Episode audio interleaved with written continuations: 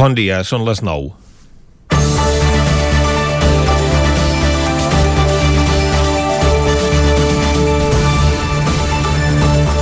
Aquesta campanya electoral que acabem de començar té tantes particularitats com la mateixa convocatòria de les eleccions que el Tribunal Superior de Justícia de Catalunya ja ha confirmat que s'acabaran celebrant el dia 14 després d'anul·lar definitivament el decret d'ajornament del govern de la Generalitat com a conseqüència de la situació sanitària. Ahir es duia a terme un debat entre els candidats per televisió espanyola que ha resultat polèmic, perquè l'ENS demanava que es fes en castellà, ja que s'emetia per tot l'Estat a través del seu canal 24 hores i a Catalunya a través de la 1. Els candidats dels partits independentistes s'hi van negar i es van expressar en català, de manera que els van haver de traduir, com també va passar en algunes intervencions de la candidata d'en Comú Podem. Els treballadors dels serveis informatius de TV a Catalunya van lamentar en un comunicat aquesta circumstància, que és el primer cop que es produeix, així com que el presentador escollit no fos un professional de Catalunya que coneix molt millor la realitat del país. Els treballadors de TV3 també es queixen als blocs d'informació de campanya que la Junta Electoral els hagi obligat a cobrir els actes de Vox al considerar-lo un grup rellevant. I el que acaba passant és que les informacions s'acaben convertint en cròniques de les protestes ciutadanes que genera la presència dels ultradretans. En canvi, la Junta Electoral no considera rellevant que s'hagi de cobrir els actes de la candidatura de primàries un moviment que, a diferència de Vox, va aconseguir 50.000 vots a les eleccions municipals, una cinquantena de regidors i una alcaldia.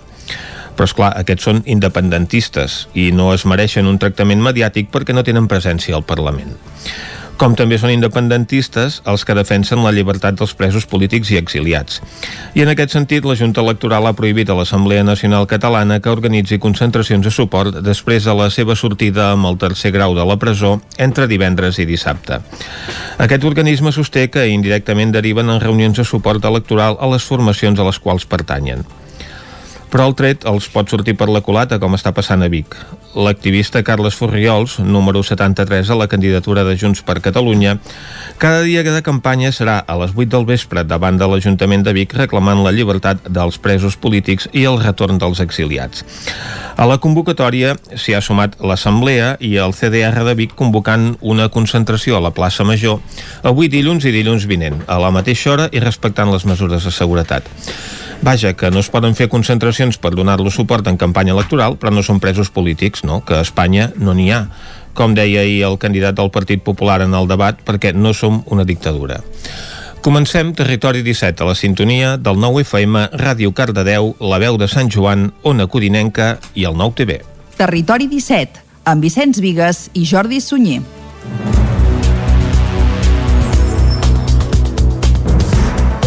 Són les 9 i 3 minuts del dilluns dia 1 de febrer de 2021. Comença aquí un nou Territori 17 que avui, com sempre, durant la primera hora us acostarà tota l'actualitat de les nostres comarques. Després, a partir de les 10, més informació i com que som dilluns, avui tindrem un marcat caràcter esportiu. Per què? Doncs perquè repassarem com els han anat els equips del nostre territori al cap de setmana, esportivament parlant, i també acabarem fent tertúlia esportiva parlant de la primera divisió de futbol amb els nostres tertulians habituals. A més, com que és dilluns, també tindrem els solidaris amb Eloi Puigferrer. Tot això i molt més des d'ara mateix i fins a les 12 del migdia. I com sempre, el que fem és arrencar tot posant-nos al dia i fent un repàs de l'actualitat de les nostres comarques, les comarques del Ripollès, Osona, el Moianès i el Vallès Oriental.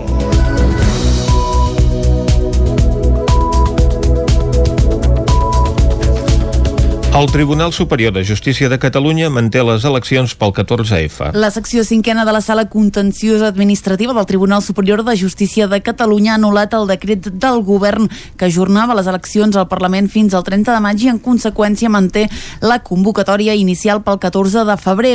Després de la presentació de vuit recursos en contra, els magistrats es van reunir aquest divendres al migdia amb caràcter d'urgència per deliberar. Per majoria i en menys de dues hores van perdre, prendre la decisió. L'argumentació votació de la qual es coneixerà aquest dilluns. El Tribunal farà expressa menció a la bona fe processal de les parts donat que la seva agilitat en la presentació d'escrits ha permès arribar a una resolució en la major brevetat de temps. La sentència que es notificarà el proper dilluns es pot recórrer davant la sala contenciosa administrativa del Tribunal Suprem. Aquest recurs, en cas d'interposar-se, no suspendria l'execució de la decisió del Tribunal, és a dir, no afectaria el manteniment de la convocatòria electoral pel 14 de febrer. La secció local del Partit Socialista de Cardedeu ha celebrat un míting a la plaça Joan Alzina amb la presència d'Arnau Ramírez, diputat ballesà al Congrés dels Diputats. David Auladell, de Ràdio Televisió Cardedeu. Amb motiu de seguir fent campanya electoral per les eleccions de Catalunya que celebraran el pròxim 14 de febrer, Arnau Ramírez, diputat al Congrés dels Diputats, ha presidit aquest acte mostrant-se ambiciós amb el resultat de les eleccions. Arnau Ramírez. Salvador Illa ja ha dit que creu que el millor per Catalunya és que hi hagi un govern liderat per ell, liderat pel Partit dels Socialistes i també amb la participació, eh, si així ho volen, de, dels comuns. És a dir, un govern com, com el que ja està funcionant a, a nivell de, del conjunt d'Espanya i que ja hem vist que, que funciona, que funciona bé i que és útil eh, per no deixar ningú enrere i és útil també per mm, els nostres pobles i ciutats d'aquí del Vallès Oriental i, per exemple, també per Cardedeu. Ramírez ha explicat que a causa de la pandèmia de la Covid-19 està sent una campanya diferent i bastant atípica. Tot i això, creu que aquest fet no impedirà que ciutadans surtin a votar per decidir el futur de Catalunya. En l'àmbit local, el diputat ha anunciat diverses propostes que es portaran a terme al llarg d'aquest any. Arnau Ramírez. Complim quan els socialistes eh, governem, complim amb allò que vam dir que faríem. Aquest any eh, acabarà per fi eh, el peatge per totes les persones de la Roca que han d'anar a direcció nord. Això és possible gràcies a pressupostos socialistes, com per exemple el desdoblament de l'R3 i eh, garantir eh, els transports que la nostra gent necessita. Per cert, la gent de Cardedeu necessita poder anar a l'aeroport, com fins ara, sense fer transbordaments. I els regidors i regidores socialistes de Cardedeu i els del conjunt eh, del país estem treballant per això. L'acte va comptar amb la presència dels regidors del Partit Socialista a Cardedeu i amb els simpatitzants que es van apropar al barri dels Estalvis Josep Maria Argimon aposta per allargar el gruix de restriccions més enllà del 7 de febrer. El secretari de Salut Pública, Josep Maria Argimon, ha apostat per allargar el gruix de les mesures restrictives més enllà del 7 de febrer. En concret, s'ha mostrat partidari de mantenir el toc de queda nocturn, el confinament municipal i les restriccions al comerç i la restauració. En una entrevista a TV3 va insistir, però, que aquesta era la seva opinió i que no hi havia una decisió presa. A més, va afirmar que si la variant britànica comporta un alt increment de casos s'hauran de prendre mesures més dràstiques. D'altra banda, va avalar l'ús de mascaretes de tela sempre i quan aquestes estiguin homologades i no va descartar que això pugui canviar en el futur. Isidre Pineda, alcalde de Caldes, denuncia dos fons voltors que tenen en propietat un edifici ocupat al centre de la vila. Caral Campàs, des d'Ona Codinenca. L'Ajuntament de Caldes ha denunciat Coronas Real Estate i la Sareb, dos fons voltor, per l'abandonament de dos blocs de pisos ocupats situats a l'Avinguda Pimargall amb el carrer Folk i Torres. Fa una setmana, el mateix alcalde, Isidre Pineda, es va personar a la comissaria de Mossos d'Esquadra per interposar la denúncia contra els propietaris. Així ho anunciava Pineda al ple municipal d'aquest dijous. La denúncia en aquestes um, dues entitats és per la manca d'oferta de lloguer social de les persones que ocupen aquests immobles, pel mal estat de l'edifici, per un risc d'incendi comunicat per la mateixa companyia elèctrica, per la cronificació de, social dels seus ocupants i també eh, per les reiterades queixes veïnals. A la denúncia també s'indica el greu risc d'incendi comunicat des de la mateixa companyia elèctrica del municipi. En aquest sentit, el 8 de desembre hi va haver un incendi en un dels pisos de dalt sense ferits greus. L'edifici, on hi ha dues escales per accedir a dos blocs, consta de 12 habitatges, però tenint en compte que alguns es van tapiar i el que es va cremar, des del consistori tenen constància d'uns 10 pisos ocupats. Paral·lelament a aquesta denúncia, l'Ajuntament de Caldes ha dut a terme altres accions en la mateixa direcció. Dijous, a través de la signatura d'un decret d'alcaldia, es va requerir la instal·lació d'un comptador elèctric social. A través d'aquest mateix decret s'ha interposat una sanció urbanística de fins a 3.000 euros pel tenidor d'un dels blocs, que és Coronas Real Estate.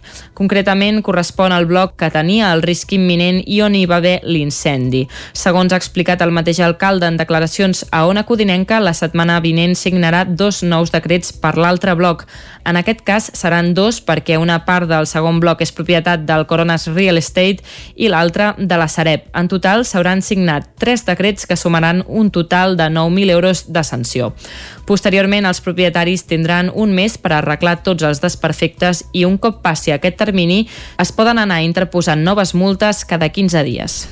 ERC de Sant Joan demana un pla de civisme arran de l'augment d'escombraries que ha detectat arreu del municipi. Isaac Muntades, des de la veu de Sant Joan. El grup municipal d'Esquerra Republicana de Catalunya a Sant Joan de les Abadeses va demanar en el darrer ple telemàtic l'elaboració d'un pla de civisme. El porteu republicà Sergi Albric va apuntar que hi havia un incivisme creixent a la via pública i va posar una sèrie d'exemples. En primer lloc, Albric va queixar-se que hi havia gent que abocava les escombraries on no tocava i pel que fa a la deixalleria va apuntar que hi havia molta gent que no en feia ús. De fet, Esquerra va demanar fa un parell de setmanes que retiressin els abocaments incontrolats de voluminosos al vessant sud de Sant Antoni quan es fongués la neu. A més, els republicans van demanar que s'impulsessin noves campanyes pel que fa a la gestió de residus municipals perquè hi ha gent que quan fa el porta a porta treu algunes escombraries quan no toca o la bossa no conté els residus que toca treure aquell dia. La DIL d'Esquerra també va apuntar altres problemàtiques. Els excrements d'animals continuen sent recurrents en espais públics i a la vorera i això que ara doncs, la gent diem-ne que té menys mobilitat o es queda més a continua passant. I també últimament el que ha passat és que al, al carrer Major doncs, en determinats socis o al propi carrer doncs, apareix brutícia. Esteu d'acord que són aquestes mostres d'incivisme doncs, que poden ser més o menys d'envergadura però són, acaben sent molestes i això que està passant a Sant Joan. I per tant creiem que com a Ajuntament hauria d'elaborar un pla de civisme o un seguit d'actuacions per intentar doncs, de reduir aquestes petites mostres d'incivisme que en el fons és, és un problema doncs, per la població en general. Uh, però que creiem que és important important doncs, per, la, per la imatge i per l'higiene i per la salut del, del nostre poble. L'alcalde Ramon Roquer va mostrar-se a favor de convocar una reunió per tal de debatre aquest tema i veure si és convenient fer aquest pla i, en tot cas, veure quines actuacions s'han de fer per reduir aquest incivisme al municipi. El Festival Flic ha tancat la seva edició més atípica. En una aula de segon de secundària de l'Institut de Vic i finalitzava l'edició més atípica del Flic, el Festival de Literatura Juvenil. L'escriptor Jordi Folk, per via telemàtica, intervenia per posar punt final a Save My Story, una activitat que ell mateix ha liderat les últimes setmanes. A l'inici del festival va plantejar als alumnes l'inici d'un relat de terror. El repte era acabar-lo d'escriure. Lluïsa Niubo és professora de llengua catalana i literatura de l'IASBIC. Els alumnes se senten com molt valorats, és a dir, la seva autoestima és fantàstic, perquè a més a ells els, els responia individualment i crec que en aquest sentit molt interessant i també pel fet de fomentar la creativitat. Una sessió que van voler seguir de prop Magali Oms, directora del festival, i Montse Ayats, representant de la Junta del Casino de Vic. Totes dues feien un balanç molt positiu de l'edició més inèdita del festival que enguany ha comptat amb 1.400 alumnes. Que el FLIC, primera, que es pugui fer, dues, que amb l'adaptació que hem fet la participació ha estat molt gran i estem molt contents. I sobretot molt positiu de veure que hem pogut arribar amb la pandèmia ens ha obligat a repensar però a arribar a moltíssims més alumnes. Qui també va voler fer balanç de l'edició va ser la regidora d'Educació de l'Ajuntament de Vic, Elisabet Franquesa, que va ressaltar el plus de qualitat que suposa per un centre educatiu participar al festival projectes que potencien la lectura, que potencien aquesta riquesa de la nostra llengua. Són projectes que nosaltres també creiem i, evidentment, eh, aquest projecte que ens abarca des d'infantil fins a ESO, fins a secundària, són projectes molt potents. El Flic tanca portes esperant poder recuperar aviat el format presencial. No descarten, però un format híbrid que també inclogui actes telemàtics. En Lluís Gavaldà i en Joan Pau Chaves van ser els encarregats dissabte a la nit de posar música al Festival Autors de Cardedeu. David Auladell, de Ràdio Televisió Cardedeu. Un festival de música d'autor que ha resistit a la Covid-19. Això sí, un espectacle diferent als tastautors d'altres anys. Per primera vegada amb grada i no taules i cadires i un aforament de només el 50%. En Lluís i en Joan Pau van oferir un espectacle inèdit que s'estrenava al Teatre Auditori de Cardedeu, on el públic podia escollir els temes dels pets que volien que toquessin. Lluís Gavaldà, cantant dels pets. La idea és una mica és arribar a un punt mig la majoria de cançons sí que les vols tocar, no? Cap i la fi són teves. I per altra banda també ens autoregalem tres o quatre cançons que ens agrada tocar a nosaltres. Jo crec que és l'espectacle és una barreja entre el que vol la gent i el que volem nosaltres i busquem un punt intermig. Hi ha una complicitat molt gran. Fins i tot hi ha cançons que no em sé la lletra. I llavors els dic i em diuen, bueno, és igual, ja t'ajudem. I m'ajuden i, i la fem. Vull dir que jo crec que la gràcia d'aquest tipus d'espectacle de, és aquest que treu una mica aquest punt rígid d'un concert en què el públic està baix, tu estàs a dalt, no? És una cosa que es va retroalimentant i això és part de la seva màgia. Abans, però, la cantautora Laia Llach, acompanyada de Cesc Martorell, van ser els encarregats de fer de taloners, oferint un espectacle íntim amb cançons de la cantautora. Dos hores abans del concert van oferir un diàleg obert i proper entre els músics i el públic de la mà del periodista Joan Jané. Es tracta d'una conversa distesa entre el periodista i donant protagonisme a les preguntes del públic i recordar anècdotes de concerts i del grup. Lluís Gavaldà. En general la gent pregunta molt com es fan les cançons. Suposo que és una cosa que deu fascinar i, a vegades et sap greu explicar-ho d'una manera molt prosaica no? I, i, i dir que a vegades la cosa més tonta te pot donar la idea per fer-ne una. Hi ha molta gent que té una, un record molt especial d'un concert molt determinat. Clar, cada concert és únic i irrepetible, i potser per això te l'has de prendre seriosament, tant si n'hi ha tant si hi ha 100.000 persones com si n'hi ha 100. Cada persona que hi ha allà per ell serà un record per tota la vida. La setmana vinent, Pau Vallvé serà l'encarregat de tancar el 17è cicle de tastautors i a l'Instagram del cicle anunciaran les noves dates per l'Off Tastautors que ha quedat aplaçat per la Covid-19. I fins aquí el butlletí informatiu de notícies que us hem ofert amb les veus de Vicenç Vigues, Clàudia Dinarès, David Auladell, Caral Campàs i Isaac Muntades. Ara el que toca és fer una ullada al temps.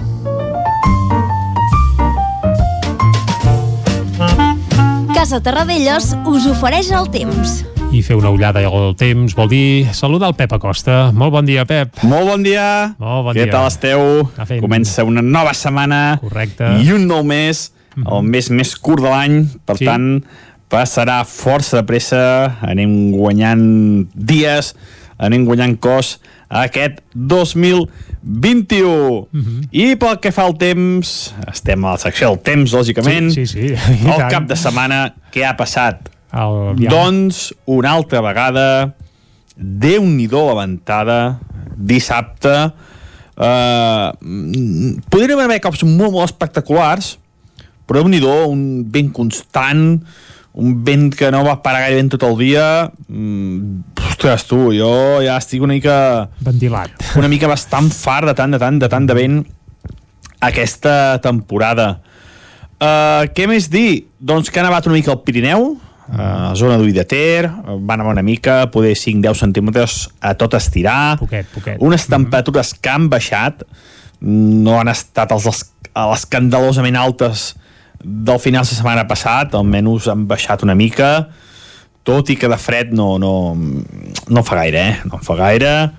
I el que és pitjor, no, no se'n veu, no, els pròxims dies crec que no farà gaire fred, eh? cosa que no m'agrada tampoc gaire. Però bueno, què hi farem? Hem de mirar les coses bones i, atenció, eh, estic fent ja un resum de tota la setmana, quasi bé. Bé, atenció, perquè veig que al cap de setmana hi pot haver canvis importants pel que fa a pluges. Però anem a pel dia d'avui. Avui només som dilluns i, per tant, el que us interessa el temps d'avui.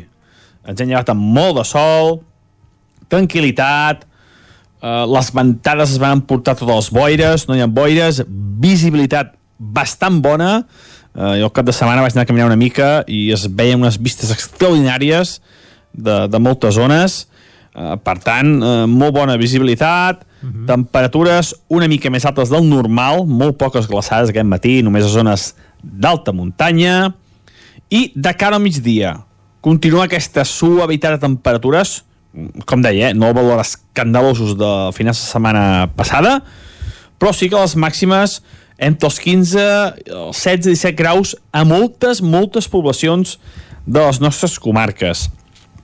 Uh, el vent afluixarà, uh, però atenció, uh, a les nostres comarques, uh -huh. uh, la redundància, no serà gaire important, poder cops de 40, 50, 60 km per hora. On bufarà fort és el Pirineu, cap al Ripollès, a les zones més altes, cops de 70, 80, 90 km per hora, I atenció que si us heu de passar per feina cap a, al sud, cap al sud de Catalunya, a partir de, de la ciutat de Barcelona cap al sud, el vent serà molt, molt fort. Per tant, molta precaució si us heu de passar cap a aquella zona que el vent pot causar bastants estralls, eh? molta precaució. Aquí no, eh? com deia aquí, bastant, bastant controlada la situació pel que fa al vent, cops, com deia, 30-40 km per hora, com a molt, molt de sol també, tota la tarda, mm, molts pocs núvols, un núvols una mica entanyinat, entanyinat al cel per núvols alts, però, però molt poca cosa, cap precipitació, el Pirineu una mica més tapat, però avui ja no crec que nevi, si, si, si, si neva faran quatre volves, eh, minces, molt, molt poca cosa, i l'anticicló que el tenim a sobre i el tindrem uns quants dies. No es vol moure, aquí s'hi està molt bé I, i per tant ell ha dit que no es vol moure. Estarà uns quants dies amb tots nosaltres. Moltes gràcies i fins demà. Vinga, gràcies, Pep, i ens quedem amb això, que s'acosten uns dies de relativa tranquil·litat. Ara nosaltres eh, anem cap al quiosc. Casa Tarradellas us ha ofert aquest espai. Territori 17. Envia'ns les teves notes de veu per WhatsApp al 646 079 023. 646 079 023. WhatsApp Territori 17.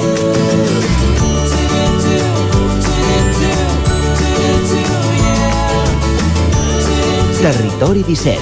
Som a Facebook, Twitter i Instagram amb l'usuari Territori 17.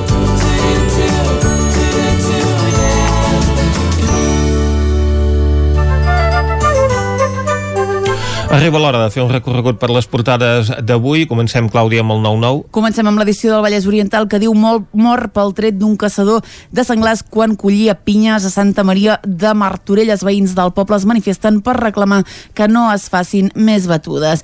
Mor l'exregidor del PP de Granollers, Fermín Gutiérrez, i que l'estrada ve d'interès local de Canovelles. Anem a l'edició d'Osona i el Ripollès que diu més de 22.000 usonencs i ripollesos s'han vist afectats per un ERTO a la imatge protesta pels acomiadaments a Girbau. Més titulars, primers actes de campanya pel 14F. Els partits aposten pel petit format i la via telemàtica. I Osona ha triplicat el nombre de plaques solars d'autoconsum durant l'últim any.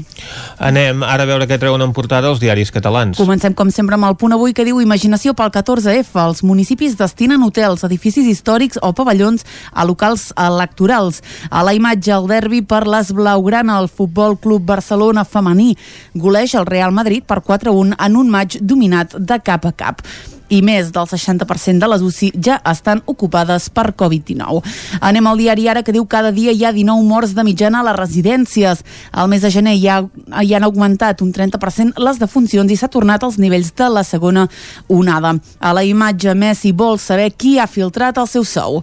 Anem al periòdico que avui entrevisten a Pere Aragonès, candidat d'Esquerra Republicana, que diu soc persistent i plantejaré un pacte als comuns i també a la CUP. Diu 3 de cada 10 catalans es declaren indecisos davant del 14F.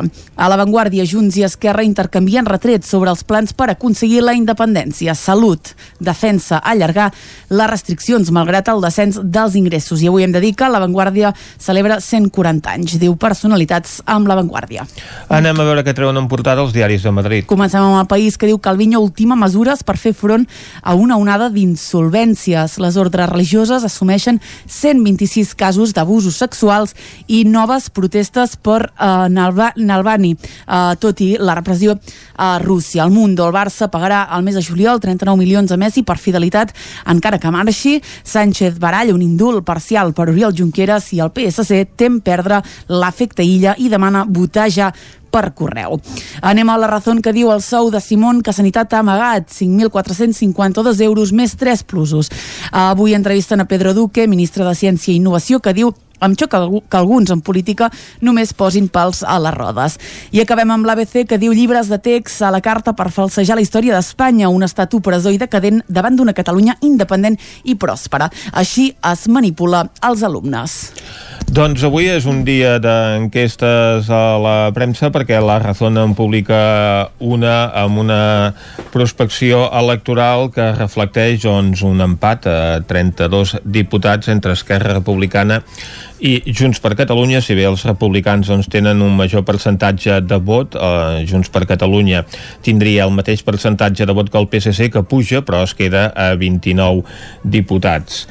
Uh, Ciutadans seria la quarta força, passaria de primera a quarta força del Parlament, amb 13 diputats, en Comú Podem en trauria 8, el PP els mateixos, la CUP pujaria fins als 7 i Vox s'estrenaria a la cambra amb 6 diputats. També publica avui una enquesta al periòdico de Catalunya que insisteix doncs, amb aquesta victòria del PSC, si bé doncs, hi ha una tendència a la baixa en quant a resultats. En aquest cas, el sondeig d'aquestes últimes hores de Josep li atribueix al Partit Socialista entre 4 i 35 escons. Esquerra Republicana en trauria entre 31 i 32, un menys Junts per Catalunya. Ciutadans cauria als 11 o 12 escons, el PP es quedaria entre 8 i 9, en Comú Podem també baixaria, entre 6 i 7 es quedaria, la CUP doncs trauria els mateixos, entre 6 i 7 i entre 5 i 6 Vox, segons aquesta eh, prospecció electoral que ha dut a terme el periòdico i que es publica avui. Però altres temes també de portada dels diaris doncs són el sou de Messi, que ahir el Mundo mhm. publicava en exclusiva i amb tot detall, insisteix avui en detall sobre aquest eh, contracte de l'astre argentí tot i que la seva fotografia de portada en aquesta ocasió doncs, és de gent que fa cua per aconseguir menjar a Palma de Mallorca. Messi també és portada al, al diari Ara, que doncs, ofereix una fotografia del partit d'ahir que va guanyar el Barça, en la, el que destaca doncs, que Messi vol saber qui és el que ha filtrat els detalls del seu contracte, també hi ha una fotografia pel Barça al punt avui, però en aquest cas pel Barça femení, que es va imposar mm. al Madrid en el derbi d'ahir i La Vanguardia que celebra els seus 140 anys amb imatges de personatges famosos doncs, celebrant aquest aniversari que des d'aquí doncs, també ens hi sumem al degà de la premsa catalana. El vicepresident Pere Aragonès i candidat d'Esquerra és l'entrevistat al periòdico que va fent doncs, aquest seguit d'entrevistes electorals als candidats a les eleccions i a la portada del país i veiem una protesta tot i la nevada a Rússia de defensors de, defensors d'Alexei Navalny, el líder opositor rus. Hem fet un recorregut per les portades d'avui, ara arriba l'hora de posar a punt i final a aquest bloc informatiu.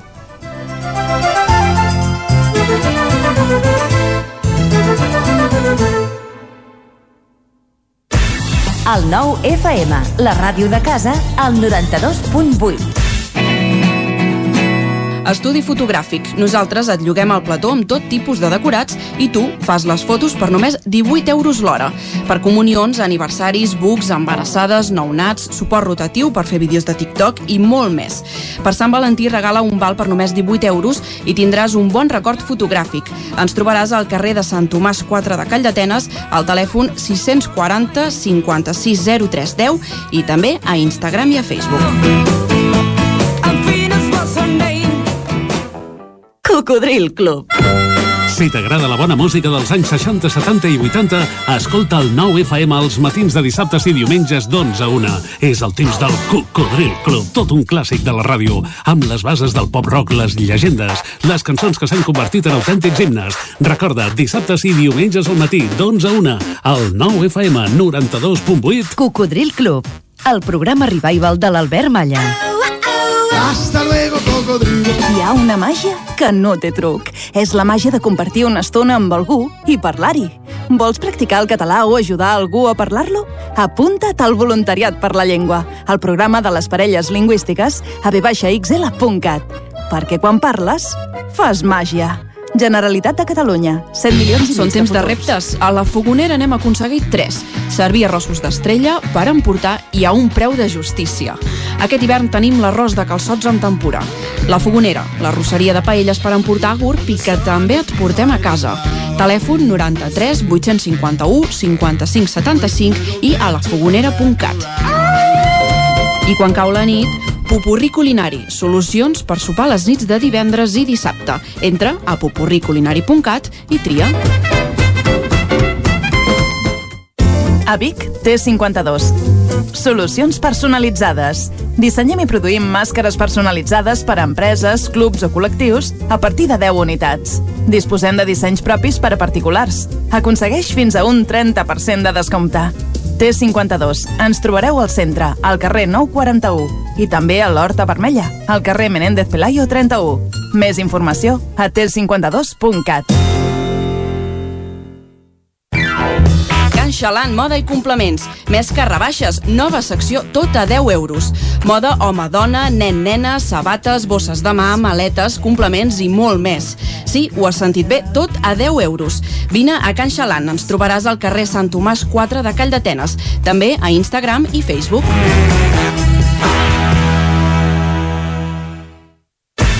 El nou FM, la ràdio de casa, al 92.8. Territori 17, amb Vicenç Vigues i Jordi Sunyer. Són dos quarts de deu en punt d'avui dilluns, dia 1 de febrer de 2021. Seguim aquí en directe a Territori 17 i de seguida us acostarem de nou tota l'actualitat de les nostres comarques. Després, a partir de les 10, nou butlletí informatiu i seguirem el programa fins a les 12 del migdia. Avui, a l'entrevista, parlarem amb Oriol, Oriol Valls, de Cararac Verd. També tindrem els solidaris amb Eloi Puigferrer, avui parlant-nos de la Fundació MAP, que hi ha al Ripollès, i a més a més farem repàs als enfrontaments del cap de setmana dels equips que han pogut jugar competicions. Recordem-ho que només estan jugant les d'àmbit estatal i d'esports professionals. Això ho repassarem també durant el Territori 17, que acabarà, com sempre fem els dilluns, fent tertúlia esportiva amb els nostres habituals tertulians. Ara, però, el que toca és acostar-vos de nou l'actualitat de les nostres comarques, les comarques del Ripollès, Osona, el Moianès i el Vallès Oriental.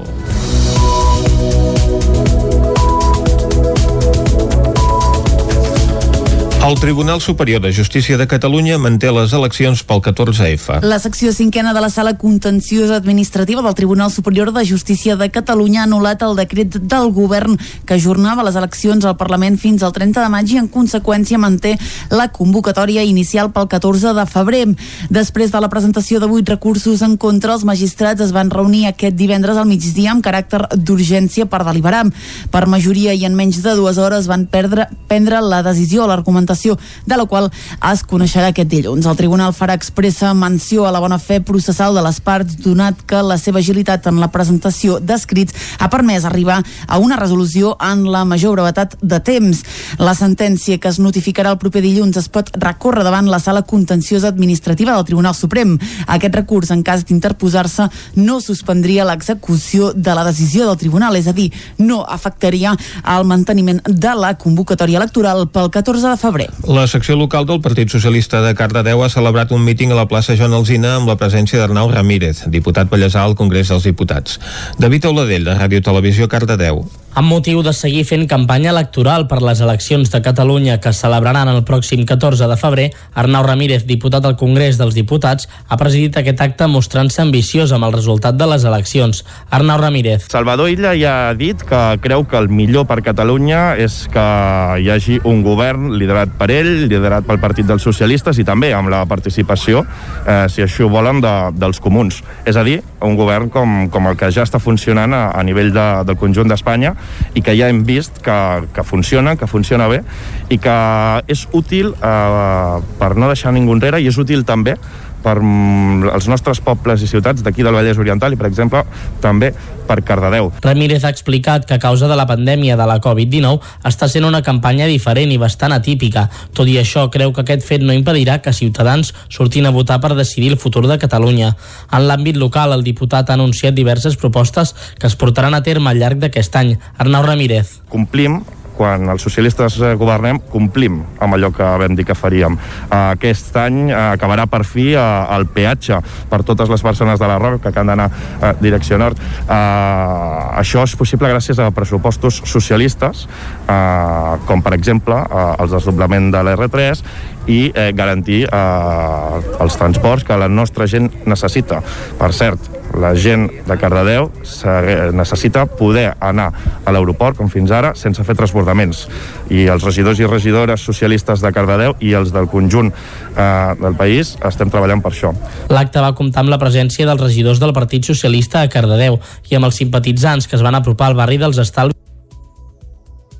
Josep Maria Argimon aposta per allargar el gruix de restriccions més enllà del 7 de febrer. El secretari de Salut Pública, Josep Maria Argimon, ha apostat per allargar el gruix de les mesures restrictives més enllà del 7 de febrer. En concret, s'ha mostrat partidari de mantenir el toc de queda nocturn, el confinament municipal i les restriccions al comerç i la restauració. En una entrevista a TV3 va insistir, però, que aquesta era la seva opinió i que no hi havia una decisió presa.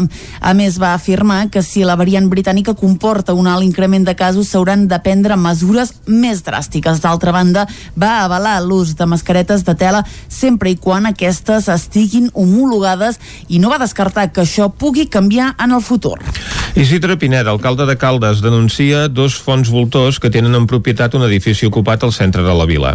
Caral Campàs, des d'Ona Codinenca. L'Ajuntament de Caldes ha denunciat Coronas Real Estate i la Sareb, dos fons voltor, per l'abandonament de dos blocs de pisos ocupats situats a l'Avinguda Pimargall amb el carrer Folk i Torres. Fa una setmana, el mateix alcalde, Isidre Pineda, es va personar a la comissaria de Mossos d'Esquadra per interposar la denúncia contra els propietaris. Així ho anunciava Pineda al ple municipal d'aquest dijous.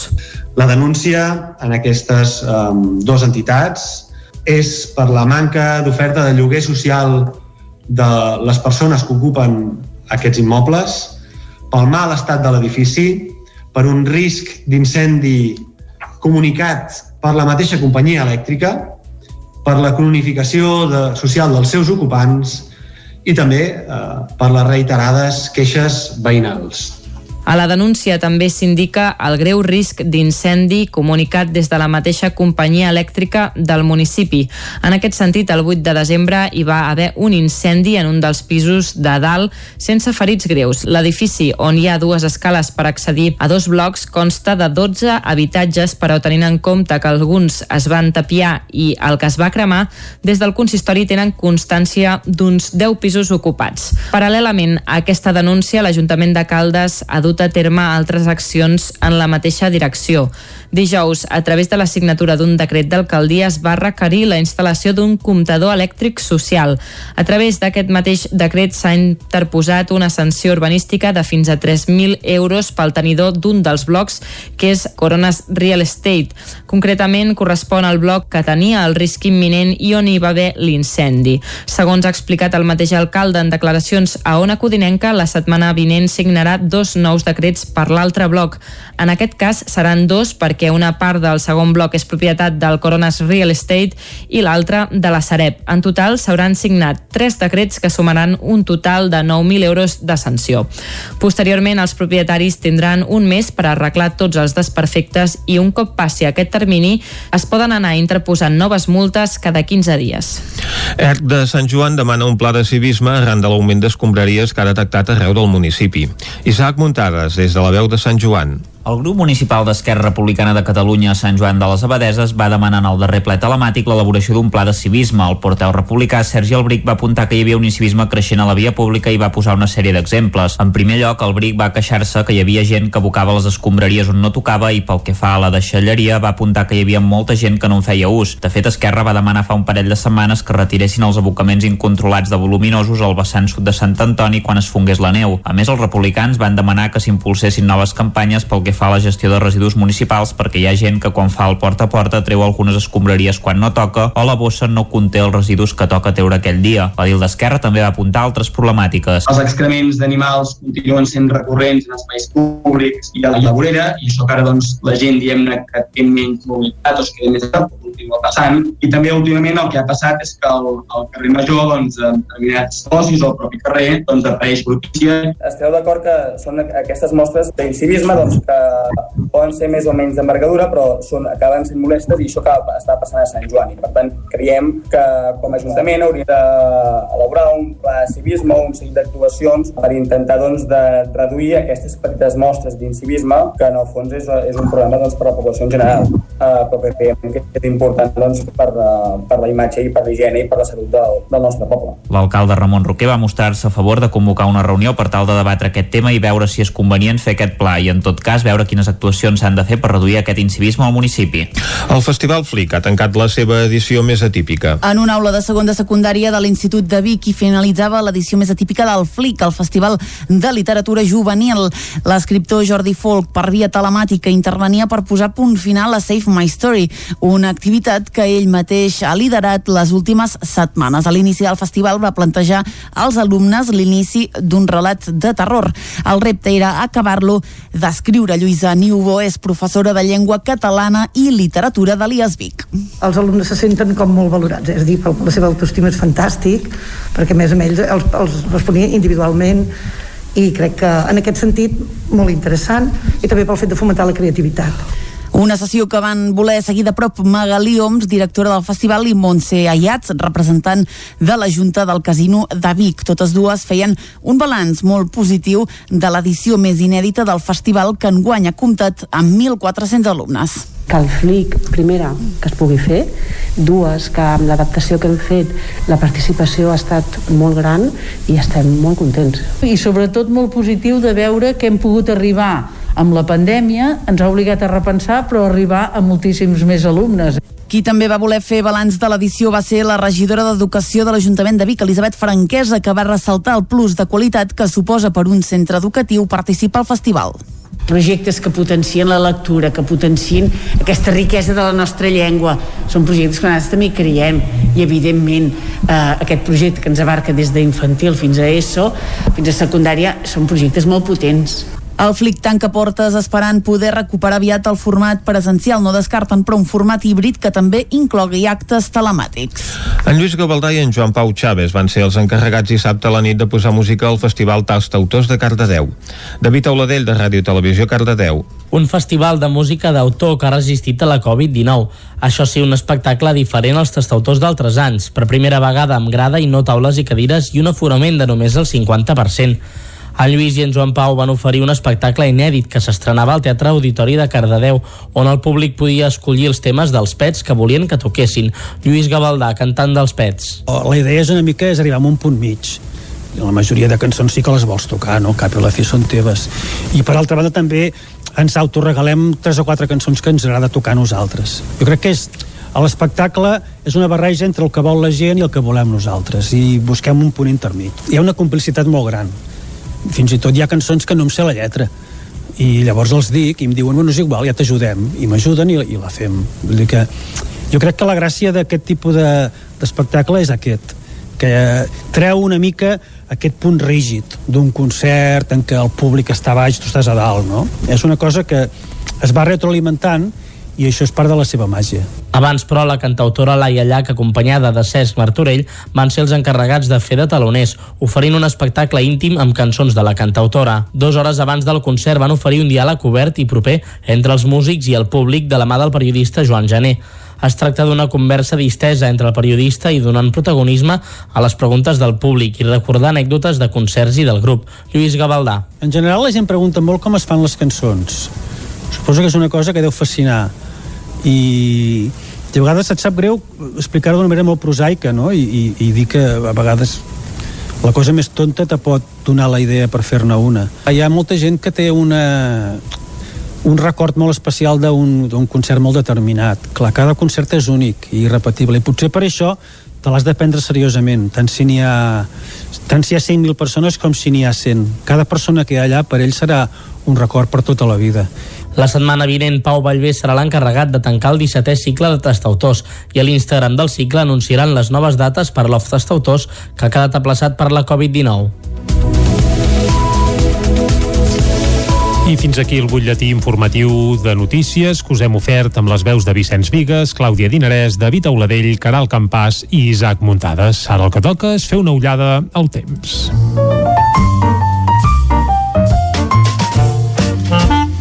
Casa Terradellos us ofereix el temps. I fer una ullada al temps vol dir saludar el Pep Acosta. Molt bon dia, Pep. Molt bon dia. Molt bon Què dia. tal esteu? Comença una nova setmana Correcte. i un nou mes, el mes més curt de l'any, per Sí. tant, passarà força de pressa, anem guanyant dies, anem guanyant cos aquest 2021. Mm -hmm. I pel que fa al temps, estem a la secció del temps, lògicament. Sí, sí, sí. El cap de setmana, què ha passat? El... Doncs, una altra vegada, Déu-n'hi-do la ventada, dissabte, Uh, podríem haver cops molt, molt espectaculars però déu nhi un vent constant un vent que no va parar gaire tot el dia mm, ostres tu, jo ja estic una mica ventilat una mica bastant fart de tant de tant de tant de vent aquesta temporada uh, què més dir? doncs que ha nevat una mica al Pirineu a uh, zona d'Ull de Ter, van anar una mica, poder 5-10 centímetres a tot estirar. Poquet, poquet. Unes temperatures que han baixat, no han estat els, l'escandalosament altes del final de setmana passat, almenys han baixat una mica, tot i que de fred no, no, no fa gaire, eh? No fa gaire. I el que és pitjor, no, no se'n veu, no els pròxims dies crec que no farà gaire fred, eh? Cosa que no m'agrada tampoc gaire. Però bueno, què hi farem? Hem de mirar les coses bones i atenció, eh, estic fent ja un resum de tota la setmana quasi bé, bé atenció ja, perquè veig que al cap de setmana hi pot haver canvis importants pel que fa a pluges. Però anem a pel dia d'avui. Avui només som dilluns i per tant el que us interessa el temps d'avui. Ens hem llevat amb molt de sol tranquil·litat eh, les ventades es van emportar totes les boires no hi ha boires, visibilitat bastant bona. Eh, jo el cap de setmana vaig anar a caminar una mica i es veien unes vistes extraordinàries de, de moltes zones.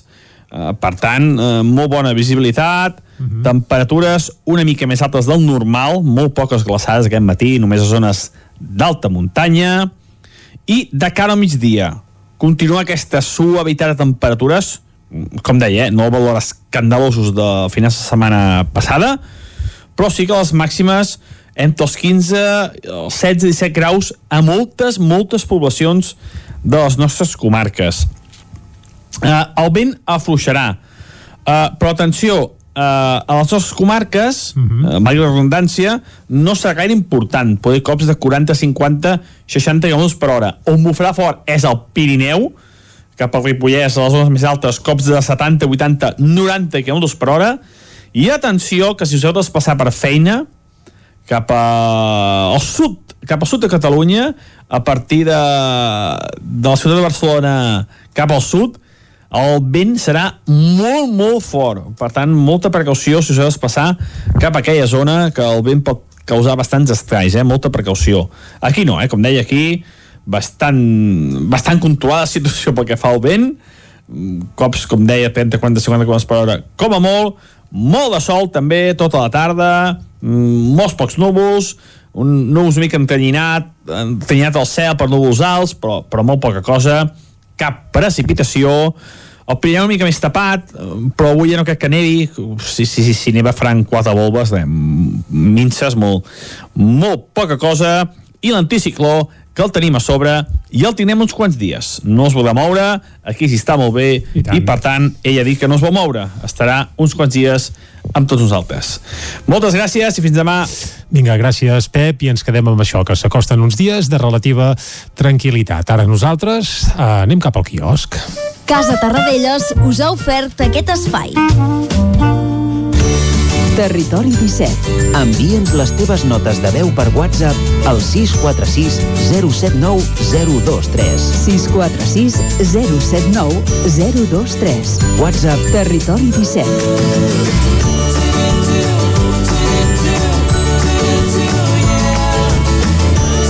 Territori 17.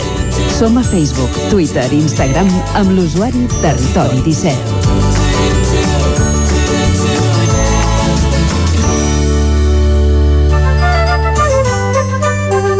Arriba l'hora de fer un recorregut per les portades d'avui. Comencem, Clàudia, amb el 9-9. Comencem amb l'edició del Vallès Oriental que diu molt mort pel tret d'un caçador de senglars quan collia pinyes a Santa Maria de Martorell. Els veïns del poble es manifesten per reclamar que no es facin més batudes. Mor l'exregidor del PP de Granollers, Fermín Gutiérrez, i Calastrada ve d'interès local de Canovelles. Anem a l'edició d'Osona i el Ripollès que diu més de 22.000 usonencs i ripollesos s'han vist afectats per un ERTO a la imatge protesta pels acomiadaments a Girbau. Més titulars, primers actes de campanya pel 14F. Els partits aposten pel petit format i la via telemàtica. I Osona ha triplicat el nombre de plaques solars d'autoconsum durant l'últim any. Anem ara a veure què treuen en portada els diaris catalans. Comencem, com sempre, amb el punt avui que diu Imaginació pel 14F. Els municipis destinen hotels, edificis històrics o pavellons a locals electorals. A la imatge, el derbi per les Blaugrana, el Futbol Club Barcelona femení goleix el Real Madrid per 4-1 en un maig dominat de cap a cap i més del 60% de les UCI ja estan ocupades per Covid-19. Anem al diari ara que diu cada dia hi ha 19 morts de mitjana a les residències. Al mes de gener hi, ha, hi han augmentat un 30% les defuncions i s'ha tornat als nivells de la segona onada. A la imatge, Messi vol saber qui ha filtrat el seu sou. Anem al periòdico que avui entrevisten a Pere Aragonès, candidat d'Esquerra Republicana, que diu soc persistent i plantejaré un pacte als comuns i també a la CUP. Diu 3 de cada 10 catalans es declaren indecisos davant del 14F.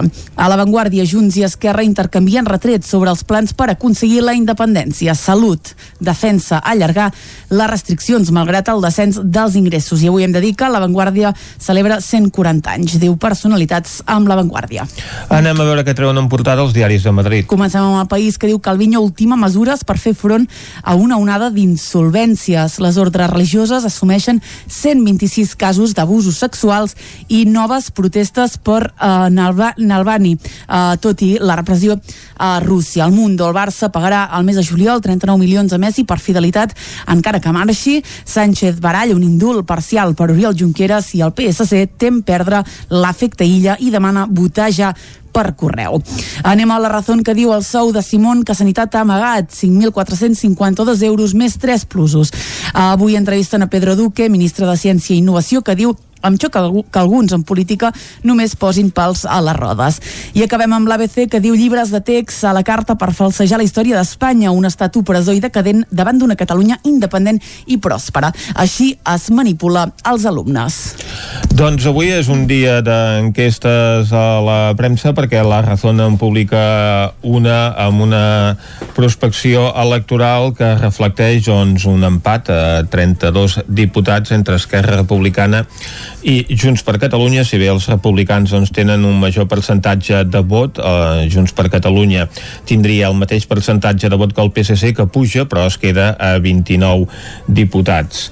Uh, Ciutadans seria la quarta força, passaria de primera a quarta força del Parlament, amb 13 diputats, en Comú Podem en trauria 8, el PP els mateixos, la CUP pujaria fins als 7 i Vox s'estrenaria a la cambra amb 6 diputats. També publica avui una enquesta al periòdico de Catalunya que insisteix doncs, amb aquesta victòria del PSC, si bé doncs, hi ha una tendència a la baixa en quant a resultats, en aquest cas el sondeig d'aquestes últimes hores de Josep li atribueix al Partit Socialista entre 4 i 35 escons, Esquerra Republicana en trauria entre 31 i 32, un menys Junts per Catalunya, Ciutadans cauria als 11 o 12 escons, el PP es quedaria entre 8 i 9, en Comú Podem també baixaria, entre 6 i 7 es quedaria, la CUP doncs trauria els mateixos, entre 6 i 7 i entre 5 i 6 Vox, segons aquesta eh, prospecció electoral que ha dut a terme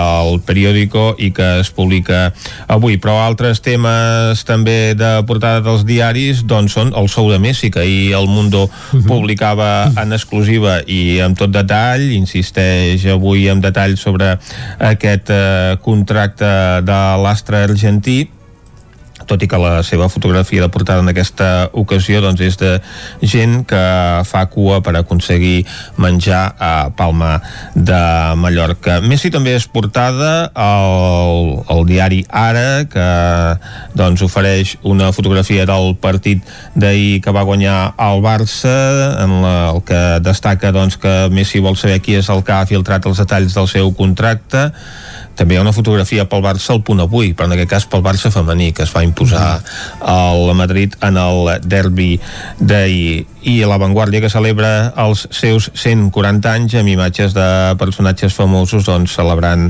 aquest aniversari que des d'aquí doncs, també ens hi sumem al degà de la premsa catalana. El vicepresident Pere Aragonès i candidat d'Esquerra és l'entrevistat al periòdico que va fent doncs, aquest seguit d'entrevistes electorals als candidats a les eleccions i a la portada del país i veiem una protesta tot i la nevada a Rússia de defensors de, defensors d'Alexei Navalny, el líder opositor rus. Hem fet un recorregut per les portades d'avui, ara arriba l'hora de posar a punt i final a aquest bloc informatiu. Doncs vinga, posem el punt i final al bloc informatiu. Vicenç, i obrim el bloc musical. A veure què ens portes avui. Va, avui porto una cosa lligada al territori 17 molt curiosa. Uh, ai, ai. Va, farem aquell joc de pistes una mica així enrevessat que fem de vegades per uh, veure i comprovar si la gent des de casa o des del cotxe, des d'allà on sigueu, endevineu uh, qui serà el cantant afortunat del qual escoltarem una cançó avui. Uh, va, la primera pista és que és del Vallès Oriental. Uh -huh. mm, la segona és que és de Santa Eulàlia de Ronçana, almenys viu a Santa Eulàlia de Ronçana, i la tercera és que és un dels meus clàssic. uh, clàssics preferits i des d'aquí una abraçada gegantina. Potser ara ja Sí, més o sí? menys ja ho tindríem, això ho tindríem bastant enfocat. Des sí. de casa suposo que algú potser també ja li sona. Estem parlant d'un xicot que es diu Jaume de nom, Xicot, eh? Sobretot. Sí, sobretot, i Arnella de cognom, una de les grans patums de la música nostrada, un gran recuperador, sobretot, de cançons tradicionals, amb una trajectòria que ja arrenca als anys 60, per tant, el Jaume és que, bé, és que és un clàssic. Oh, I tant. Ell mateix, deixa'm explicar una anècdota que em van explicar fa poc els esquirols. Saps mm -hmm. per què van néixer els esquirols? Per què van néixer? Sí, el grup Esquirols, eh? mític uh -huh. grup Esquirols. Sí, sí, sí, sí. Doncs va ser culpa d'en Jaume Arnella. Què dius ara? Sí, sí, sí, uh, tal com sona. Resulta que el Jaume Arnella havia d'anar a fer un concert a l'Esquirol uh -huh.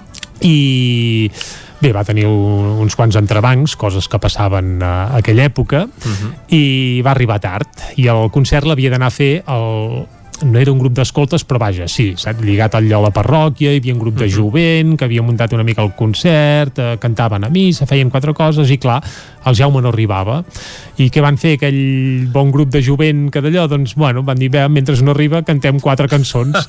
I de cop es presenta en Jaume allà, què feu, que no sé què, perdoneu que vinc tard, que, oh, que bé que ho feu, o que no sé què, heu de cantar, ostres, però si ho feu fantàsticament bé. I els joves d'allà a l'esquiró, home, què dius? Canta tu, que no sé què. No, no, no, ja podeu fer, que, oh, com m'agrada, heu de fer alguna cosa, heu de fer alguna cosa. I d'allà, que ell heu de fer alguna cosa, van néixer els esquirols. Doncs Gràcies al Jaume Arnella, imagina't. Uh -huh. Això sí, el concert el va acabar fent, eh? Tard i tot plegat, però el va, el va acabar fent. Uh, I en aquell concert com sempre fa el Jaume Arnella, normalment mescla alguna peça popular el, amb alguna peça pròpia i amb alguna, bé, que és allò melodia popular, amb lletra seva, és allò que, uh -huh. bueno, que fa ell, que adapta, adapta I tant. o crea. I una de les seves cançons de capçalera és Sé que venen pels camins. És una cançó que ja la van registrar als anys 60, que era, a més a més, en un dels seus primers EPs, però atenció, perquè aquesta cançó també formarà part d'un disc que s'editarà el 19 de febrer que es dirà Sota Cavall i Rei. Sota Cavall i Rei és un altre dels clàssics del Jaume Arnella. Sota Cavall i Rei, el dimoni juga cartes. Bé, tant és, ara no ve el cas, eh, va de, la, de, de jugar a la botifarra. Doncs els Fetus, que és un grup de punk rock del Vallès Oriental, resulta que han volgut homenatjar el Jaume Arnella i què han fet per homenatjar el Jaume Arnella? Doncs agafar clàssics seus i fer-los sonar eh, esparracats a tope com si fos un grup de punk rock.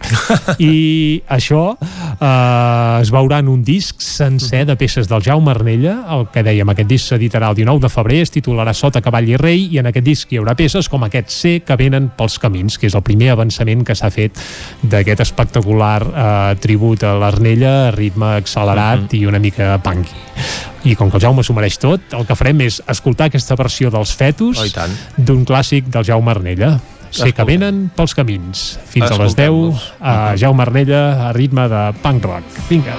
I que canten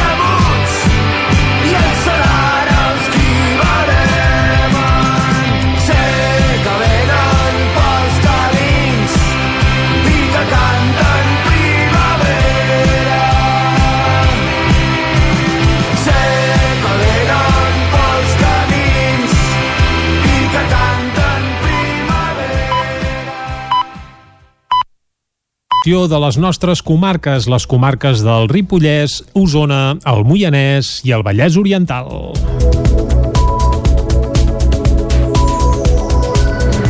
Pica baralla entre Sílvia Oriols i la CUP al ple de Ripoll per unes al·legacions contra el Pla Marc d'Intervenció Comunitària.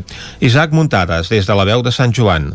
A cada ple de Ripoll que passa, la tensió entre la regidora no adscrita Sílvia Oriols i el portaveu de l'alternativa per Ripoll, CUP, Aitor Carmona, va en augment. En la darrera sessió plenària es va donar llum verd a l'aprovació definitiva del Pla Marc d'Intervenció Comunitària envers les identitats socials, després de desestimar unes al·legacions de l'exregidora de l'equip de govern i que va anar de número 2 a les llistes del Front Nacional de Catalunya, Ripoll, Fina Guix. Evidentment, només Oriols va donar-hi suport, la qual va ser molt crítica amb la resta de formacions del consistori. A dia d'avui continuem escandalitzats pel fet que s'hagi traçat un pla de convivència en col·laboració amb l'associació islàmica que va introduir el terrorisme a Ripoll de la mà d'un imam salafista. La inconsciència dels polítics i de les institucions pel que fa al fonamentalisme augura lamentablement noves tragèdies. Hi ha 16 regidors que mantenen un cordó sanitari en contra nostra i en contra dels nostres 503 votants i curiosament són els mateixos que per traçar plans de convivència han cercat l'opinió de qui va contractar, finançar i tolerar el fanatisme islàmic. Sincerament, se n'haurien de dar vergonya. La Dilcopaire va contestar-li dient que les al·legacions eren tècnicament deplorables. De fet, Carmona va qualificar de preocupant i lamentable el nivell tècnic i ideològic de Guix i li va resultar xocant que hagués presentat aquest document havent ocupat un càrrec públic. Oriols va replicar-li que Guix tenia tot el dret i la legitimitat per presentar aquestes al·legacions i que respectés la seva opinió. Carmona va titllar d'islamòfob pel document. que això ens fa veure doncs, un cop més que hi ha clarament un, un discurs d'odi implantat a casa nostra, una islamofòbia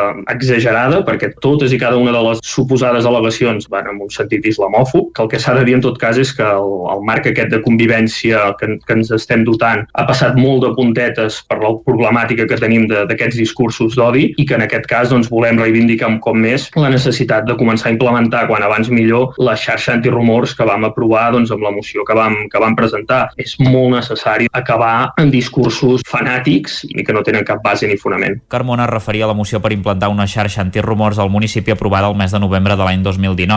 L'exregidora del Front Nacional va acusar Carmona de mentir dient-li que no hi havia islamofòbia en l'ensenyament del valor de la vida i l'obligatorietat d'aprendre el català. Una seixantena de persones es van concentrar aquest divendres a les portes de Girbau, a Vic. A la una del migdia, tal com s'havia anunciat, es va iniciar la primera de les accions que el comitè d'empresa de Girbau té planificades per tombar l'ERO que l'empresa va anunciar fa dies, una mesura que comportaria l'acomiadament de 76 treballadors, 73 dels quals de la planta de Vic. Les persones que es van concentrar van lluir pancartes i es van fer sentir amb xiulets i petards. Demanen a l'empresa bigatana que reculi i opti per mesures menys traumàtiques. En una fase encara molt embrionària de la negociació, el comitè se centra ara en recopilar i analitzar la documentació. La concentració es va produir dos dies després que Comissions Obreres, sindicat majoritari del comitè, qualifiqués d'il·legal l'ERO que planteja Girbau. Sònia Domínguez és la presidenta del comitè d'empresa de Girbau. Preveuen que canviarà el mercat del turisme mundial a partir d'aquesta pandèmia i que a causa d'això no es necessitarà tanta estructura com la que té la companyia ara. Nosaltres creiem tot el contrari, és a dir, que és una cosa conjuntural, circumstancial deguda al Covid. Gent que ha treballat tota la vida aquí, que va començar de jovenet i encara hi treballa, que ha estat amb el creixement d'aquesta companyia I és aquest, el que volem assegurar-nos la sortida d'aquesta gent, la dignitat en les sortides i la dignitat de la gent que es quedi aquí dintre.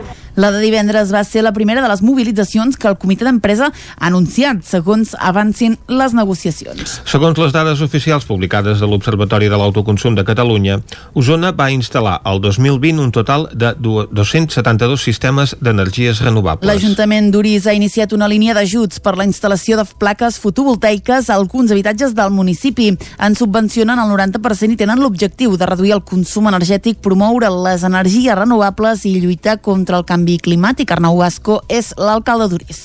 Això ho vam fer com a un principal compromís per lluitar contra el, el canvi climàtic dintre del pacte d'alcaldes per la, pel clima i l'energia eh, que és un pacte ambiciós de reduir les emissions de CO2 en un 40% eh, abans del 2030. Nosaltres ens va semblar que això ho havíem d'agafar en majúscules i portar-ho a la pràctica. En primer lloc, per ajudar a les famílies, amb, amb, amb la voluntat clara d'ajudar econòmicament, però també amb l'objectiu de promoure eh, una transició energètica real, factible. Una de les famílies que han optat per les fotovoltaiques són la Montse Guixaró i en Ramon Serra, que ja fa un mes que les tenen. Volien ser autosuficients en el consum energètic i per això en van instal·lar 12 de 12 quilowatts cadascuna.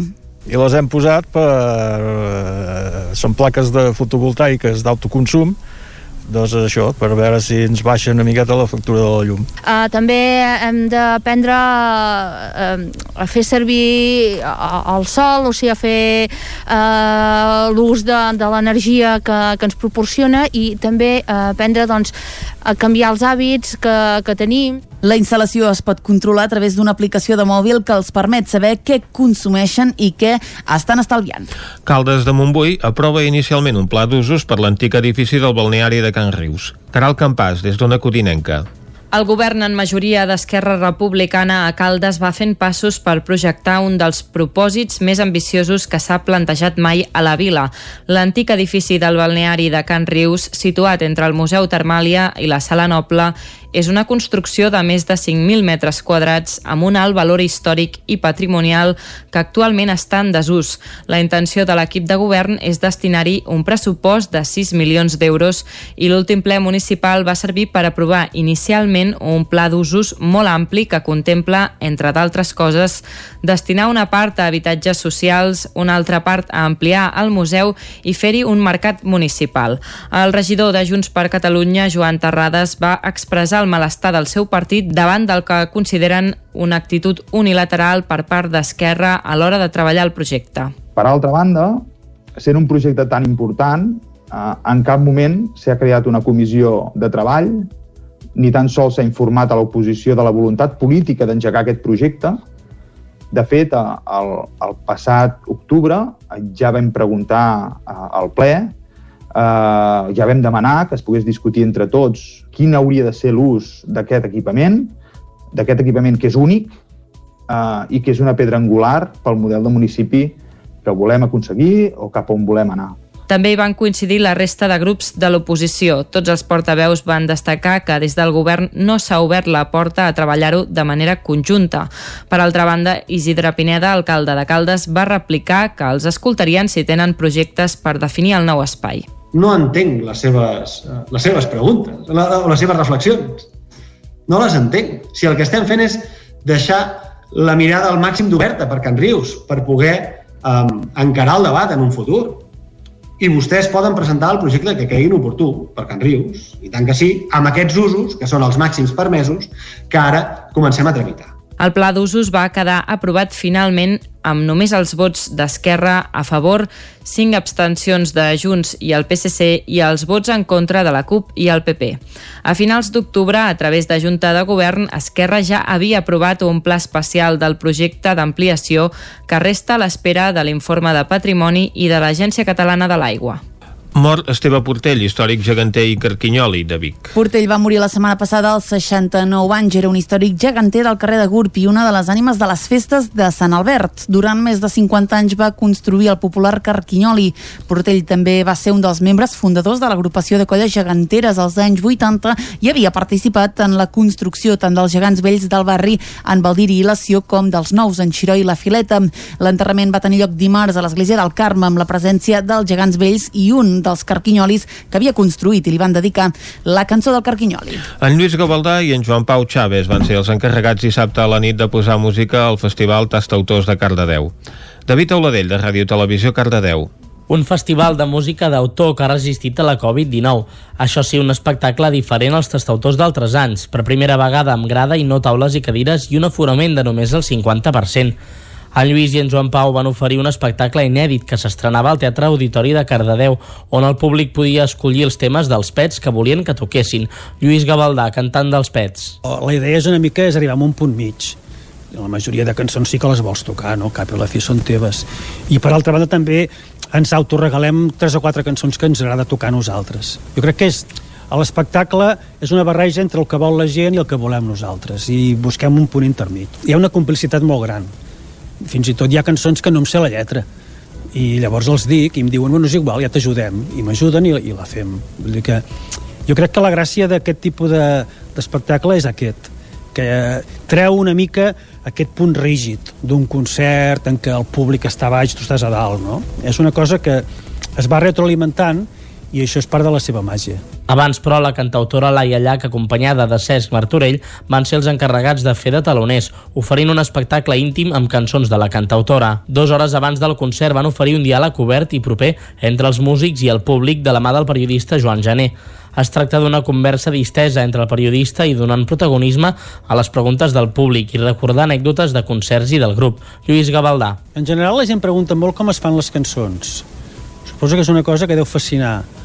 I, a vegades et sap greu explicar-ho d'una manera molt prosaica, no? I, i, I dir que a vegades la cosa més tonta te pot donar la idea per fer-ne una. Hi ha molta gent que té una, un record molt especial d'un concert molt determinat. Clar, cada concert és únic i irrepetible, i potser per això te l'has de prendre seriosament, tant si n'hi ha tant si hi ha 100.000 persones com si n'hi ha 100. Cada persona que hi ha allà per ell serà un record per tota la vida.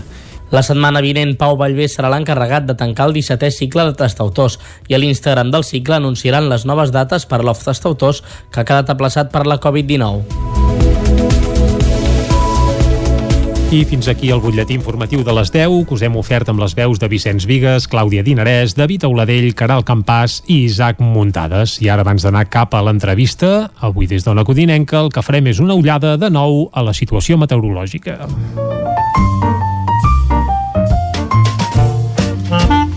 Casa Terradellos us ofereix el temps. I per saber el temps que ens espera per avui, per exemple, el que fem és saludar en Pep Acosta altra vegada. Bon dia, Pep. Molt bon dia. I molt bona hora. Temperatures una mica més altes del normal, molt poques glaçades aquest matí, només a zones d'alta muntanya.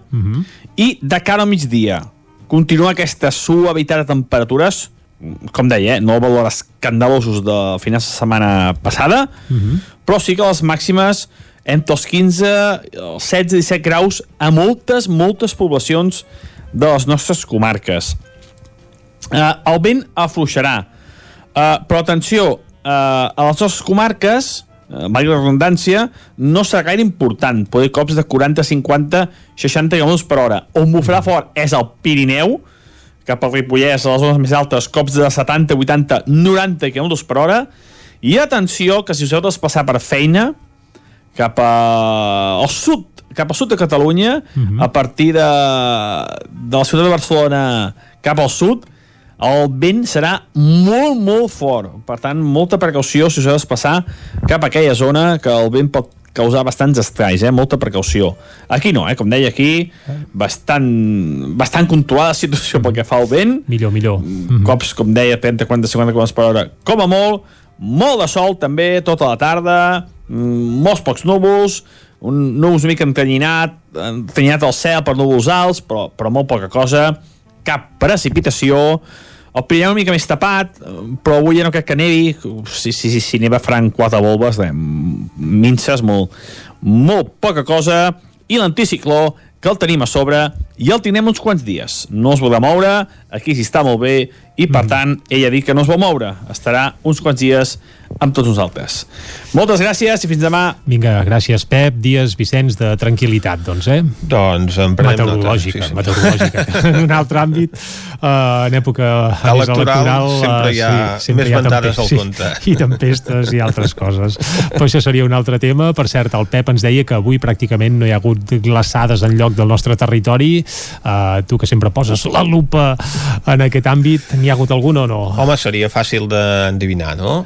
Potser a Sant Sadurní d'Usor mort? Doncs sí senyor, a Goita. Sant Sadurní d'Usor mort Ves per on?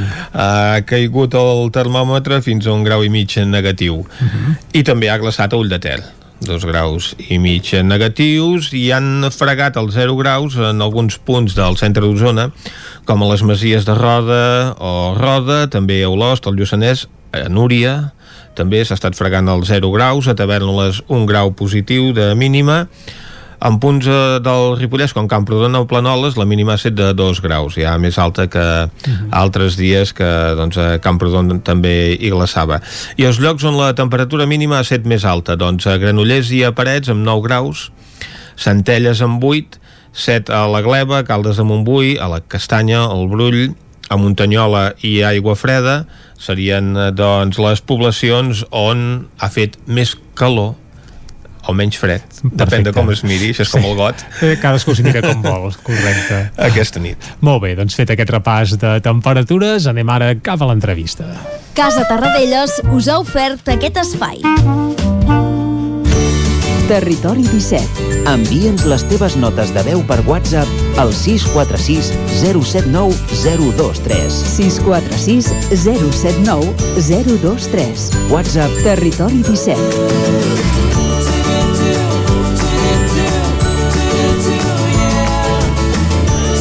Territori 17. Som a Facebook, Twitter i Instagram amb l'usuari Territori 17.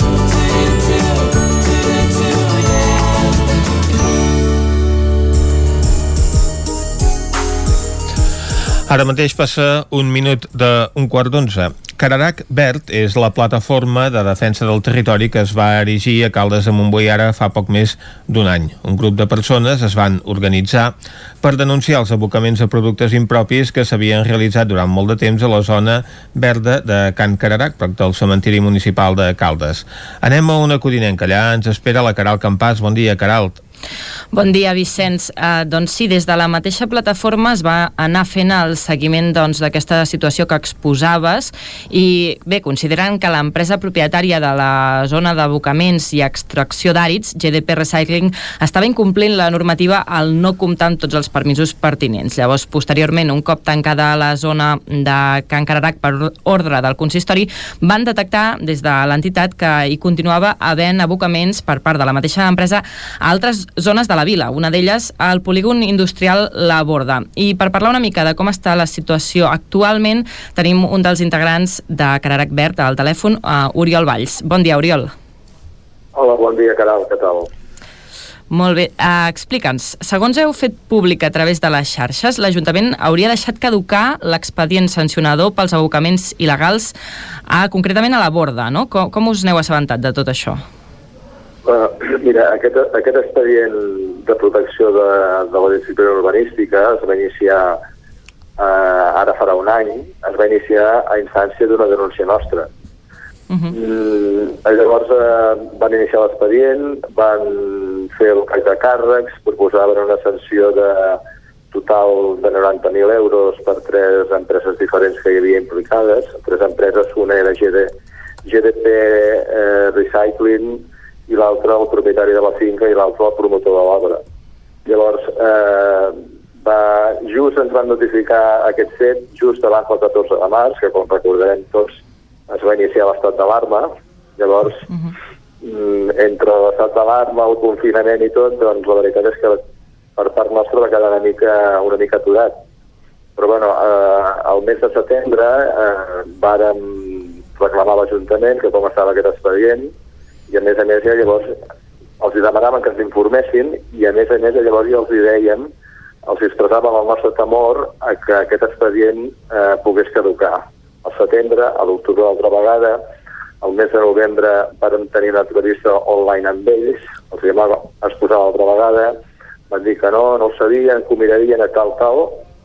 Bueno, en definitiva, mm, vam veure que la cosa no, no podíem aclarir i llavors vam acudir al Fini de Greuges. I el Fini de Greuges és el que, eh, amb la notificació que li va fer a l'alcalde aquest mes, doncs l'Ajuntament s'ha decidit a fer alguna cosa respecte a aquest expedient, l'ha declarat caducat i així ens ha comunicat. Uh -huh. Perquè el govern hauria d'haver exigit el compliment d'aquests terminis.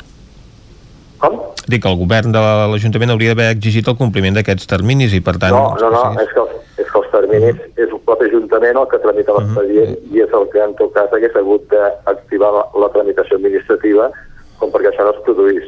Uh -huh. I, I creieu que més enllà del govern també hi, hi tenia responsabilitat l'oposició en exigir aquests compliments de terminis? Bueno, no sé, això és un expedient administratiu com un altre, vull dir, no sé si no sé l'oposició quina feina fa ni com la poden fer, no ho sé, però en tot cas eh, està claríssim que qui, qui havia de responsabilitzar-se d'aquest expedient finalitzés dintre del termini de sis mesos, que és el que hi ha per una falta greu, doncs això mm, és un problema del, del propi Ajuntament. A més a més, l'Ajuntament eh, ens ho ha negat, ho ha negat reiteradament, i fins que no ha intervingut el síndic de Greuges, no ha acceptat que l'expedient havia caducat. De tota manera, eh, vull afegir una cosa abans de que, de que això s'acabi, de que una cosa eh, és la caducitat del procediment sancionador del que estem parlant, però una cosa diferent és que la infracció urbanística greu eh, hagi prescrit.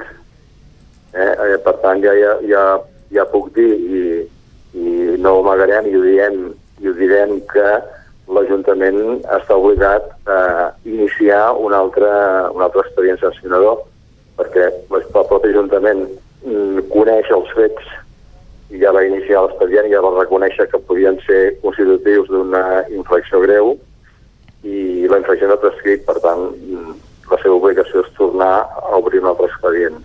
Que esperem que mm, hi hagi un interès més, més gran per part de l'administració municipal a tramitar-lo dintre del termini. Uh -huh. I al marge d'aquests expedients eh, sancionadors, evidentment, hi ha una responsabilitat a l'hora de regularitzar l'activitat de, de GDP, no? Què, què, què s'ha de fer aquí?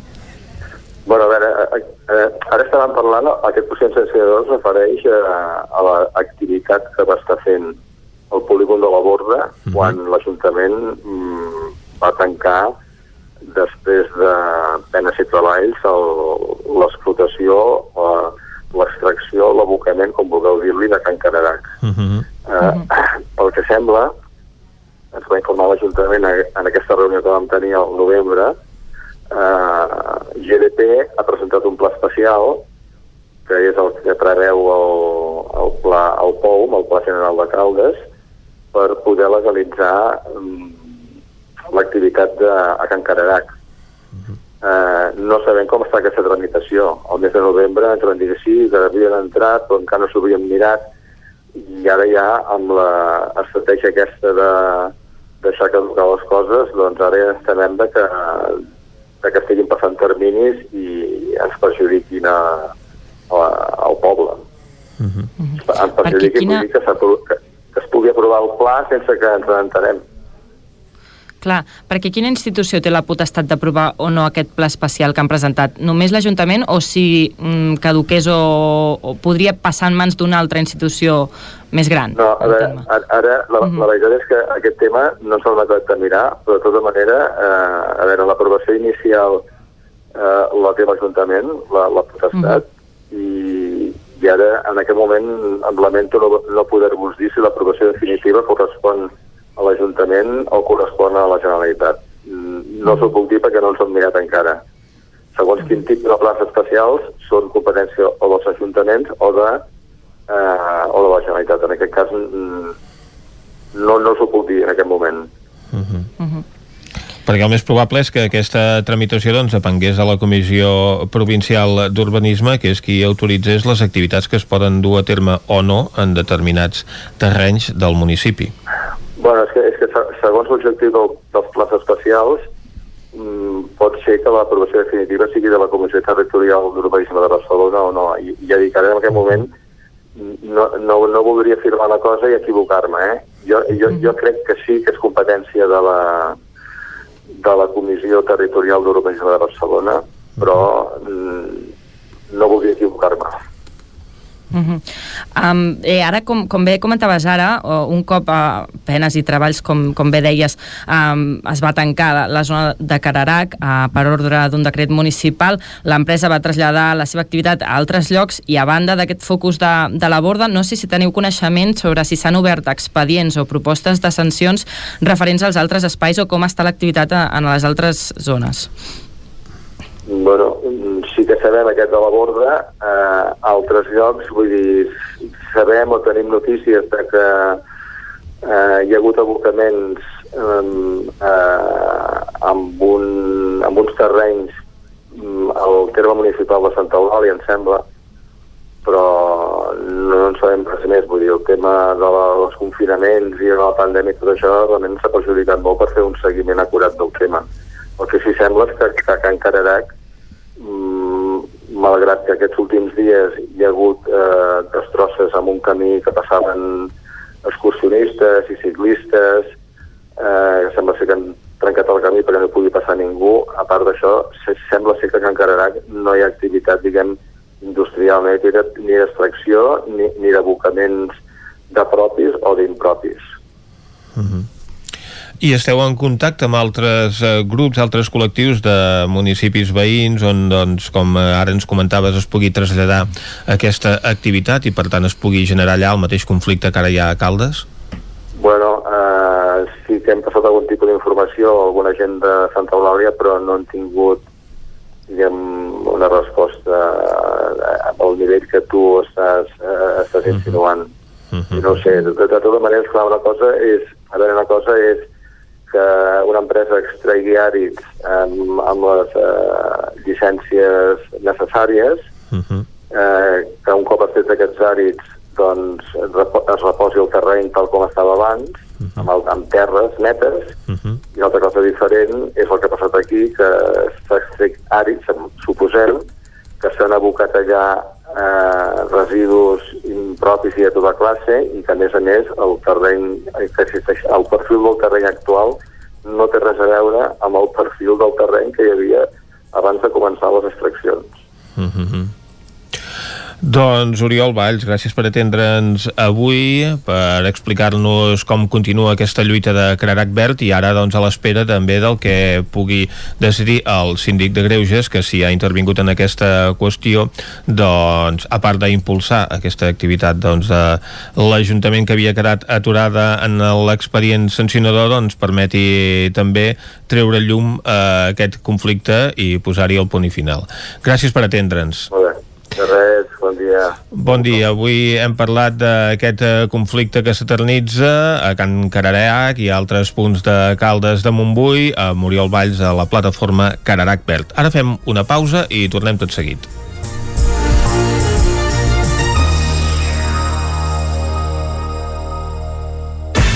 El nou FM, la ràdio de casa, al 92.8. A Vic, T52. Solucions personalitzades. Dissenyem i produïm màscares personalitzades per a empreses, clubs o col·lectius a partir de 10 unitats. Disposem de dissenys propis per a particulars. Aconsegueix fins a un 30% de descompte. T52. Ens trobareu al centre, al carrer 941 i també a l'Horta Vermella, al carrer Menéndez Pelayo 31. Més informació a t52.cat. Anuncia't al 9FM. La màquina de casa. 9 3 8 8 9 4 9 4 9. Publicitat arroba al 9FM.cat. Anuncia't al 9FM. La publicitat més eficaç. Cocodril Club. Si t'agrada la bona música dels anys 60, 70 i 80, escolta el 9 FM als matins de dissabtes i diumenges d'11 a 1. És el temps del Cocodril Club, tot un clàssic de la ràdio, amb les bases del pop-rock, les llegendes, les cançons que s'han convertit en autèntics himnes. Recorda, dissabtes i diumenges al matí, d'11 a 1, al 9 FM 92.8. Cocodril Club, el programa revival de l'Albert Malla. Hasta luego, cocodrilo. Cobertes serveis funeraris. Els nostres tanatoris estan ubicats en els nuclis urbans més poblats de la comarca d'Osona per oferir un millor servei. Tanatori de Vic, Tanatori de Manlleu, Tanatori de Centelles i Tanatori de Roda de Ter. Sabem que són moments difícils i per això el nostre compromís és atendre-us en tot moment amb un tracte humà, sensible i respectuós. Cobertes serveis funeraris. Telèfon 24 hores 93 883 23 46. Són temps de reptes. A la Fogonera n'hem aconseguit 3. Servir arrossos d'estrella per emportar i a un preu de justícia. Aquest hivern tenim l'arròs de calçots amb tempura. La Fogonera, la rosseria de paelles per emportar a GURB i que també et portem a casa. Telèfon 93 851 55 75 i a lafogonera.cat. I quan cau la nit, Popurrí culinari, solucions per sopar les nits de divendres i dissabte. Entra a popurriculinari.cat i tria.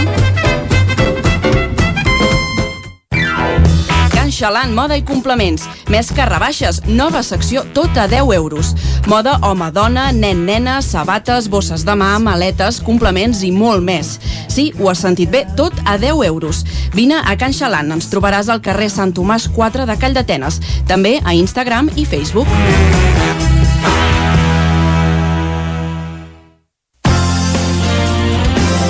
El 9 FM, la ràdio de casa, al 92.8.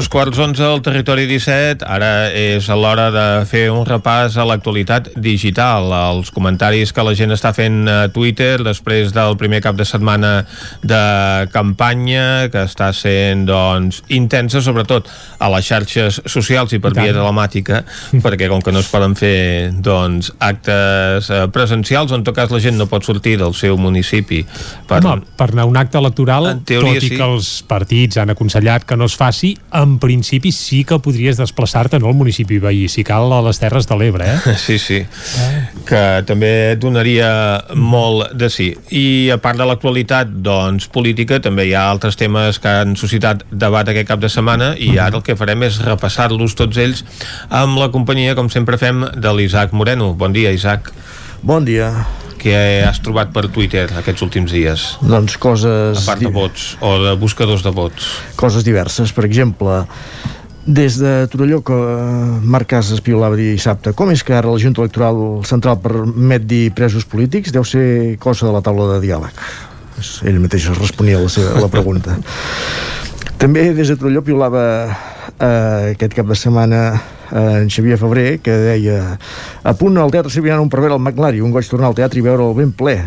Cultura segura i responia el, gere, el, Ah, ana- ara anava a dir, efectivament, en Pep Tines ja ha dit la seva, no? el coordinador del Teatre Sevillano em diu ple el 50% la primera sessió i ple el 50% la segona sessió. Ple una sessió al 100%, sisplau Exacte. uh, o sigui, dues, dues sessions a la meitat per tant una sencera Uh, més qüestions. Miquel R, des de Vic, un dels grans, memorable, Miska Maisky, l'Atlàntida. Va ser un concert que va haver-hi dissabte a la tarda a l'Atlàntida de Vic. Uh, clar, eh, eh, aquesta polèmica ha sorgit a l'Instagram, però hi ha qui l'ha traslladat a Twitter, per tant l'expliquem. Julio Basulto piula. Hola, Mossos. Salut Pública Barcelona i Ajuntament de Vic. Aquí teniu un restaurant de Vic, la Reciclària, proposant obrir les seves portes l'1 de febrer de 5 a 7 de la tarda perquè entri qui vulgui sense mascareta i sense respectar la distància social. Ara pla. Doncs sí, hi ha una convocatòria a aquest restaurant aquesta tarda, desobeir. I entre d'altres mesures hi ha aquesta. Anar a berenar sense distància social i sense mascareta. Avui a les 5 de la tarda a Vic. La Gemma Permanyer ens comparteix una fotografia bucòlica d'un ametller florit. Diu a Codines els ametllers ja han florit. Fins aquí l'última hora botànica. Joan Comarroura, ara si entrem a la pàgina política, passada la trola de si ens voteu tornarà el president, a si ens voteu farem una dur i només demostra que a troles ningú els guanyarà mai. Potser va ser hora d'aïllar del poder, poder a tots aquells que juguen tan descaradament amb les il·lusions del personal, ho impossibiliten tot. Li respon Francesc Codina, com és de Capgirem Vic, de la CUP, en Codina és de proper esquerra, diguéssim. Veig una evolució de la CUP cap al realisme, però no subscric l'anticonvergentisme visceral. Junts i el PDeCAT també són necessaris al govern. Els primers han de deixar de fer demagògia i els segons han d'obrir-se a pactar amb la resta de forces com també ho ha fet ho ha de fer la CUP. Uh, com apilava sobre un altre dels temes del cap de setmana? Diu, em costa bastant molt entendre gent que, té, que tant és capaç de criticar els guanys de Mancio Ortega com de defensar-te els de Leo Messi. Com si darrere d'en dues fortunes no hi hagués el mateix sistema i lògica capitalista patriarcal que les fa possibles. I justifica més qüestions, diu en Gerard López, no sé qui guanyarà el 14 de febrer, però ahir en la campanya ja sé qui ha perdut segur, el català, eleccions 14F. Mai havia vist la llengua tan bandejada com aquest cop. Polèmic debat, efectivament, el d'ahir a la nit a Televisió Espanyola. Això ho pilava abans, eh, del debat. Sí, sí, ja ho, ho dono per fet perquè, evidentment, se n'ha parlat molt d'aquest debat i, i gairebé ha suscitat més polèmica abans que després. Jordi Vilarrodà, com a periodista, encara que no em toqui cobrir-la, faig un esforç per estar al cas de la campanya. M'hi obligo com a deure professional. Ara imagina't un ciutadà que no hi tingui aquest interès. L'altre capítol, eh, Joan Serra, per entendre els mals del Barça, el més interessant de la publicació del contracte de Messi no són les xifres, sinó qui l'ha filtrat. Uh, anem acabant. Montse Iats, d'aquí a 15 dies eleccions. A veure si serveixen per nomenar una consellera o un conseller de territori que cregui de debò en el transport públic i treballi per millorar la qualitat del servei de rodalies. Des de, des de perquè no ens fotin el tren seguirem lluitant per millorar la línia. 8 anys de feina, R3 celebraven aquesta efemèride aquest cap de setmana. Efectivament. Uh, anem acabant. Eudard Autonell a, bar, a part del que cobri, no creieu que en fan un gra massa eh, entrenant al migdia a Barcelona amb, ma, amb malles llargues? Pep Acosta Uh, també responia algú altre que feia esment al cas Messi. Des de Manresa Alba deia no he vist el gol de Messi d'avui però amb el que cobra hauria de fer un mínim un gol per partit. I la Costa que diu n'ha fet 650 amb el Barça en 750 partits. Més o menys és això. Sí. per aquí aniria la cosa? I acabem amb en Ramon Besa que com cada cap de setmana es fixa amb el resultat de Voltregà, aquest cap de setmana hi havia derbi, aquests partits necessiten jugadors com Arnau Canal per marcar les diferències. Gràcies, figura. Guanyar a Vic és com guanyar un títol pel Voltregà. Quin equip més fiable darrerament. Esperem poder retrobar-nos aviat amb tothom a la pista i amb el sac i ganxo al davant. Ah, no, perdó, he dit l'última, no, aquesta que és l'última, perdó. Iñaki Escudero ha perdut el compte del nombre de formacions polítiques diferents a les que ha donat suport Lluís Llach. Bé, doncs eh, deixem-ho aquí i ara el que farem és repassar les portades del 99.cat. Uh, la del Vallès Oriental. Concentració de rebuig a les batudes de Casa Santa Maria de Martuller Martorelles. Recordem que va haver-hi un, un mort per un tret d'un caçador. I no és l'únic caçador que han disparat a Catalunya aquest cap de setmana. També Correcte. a Massanes un ciclista va resultar ferit. Correcte. La Garriga inverteix 200.000 euros en millores en els accessos a la Doma i una persona que collia pinyes mort durant la batuda de Senglars de Santa Maria de Martorelles, el que dèiem fa dos segons. Uh -huh. Carreguem ràpidament la portada vermella, la de l'edició del 99.cat d'Osona i el Ripollès. Denuncien els gossos que van matar bestiar a Centelles també eh, el Club Petit Taradell torna a derrotar el Liceo i citen a declarar veïns de Lluçanès com investigats per un delicte de lesions contra l'amo de la planta de Fumanya. Molt bé, moltes gràcies, doncs, Isaac, per aquest repàs a l'actualitat digital. Bon dia. Territori 17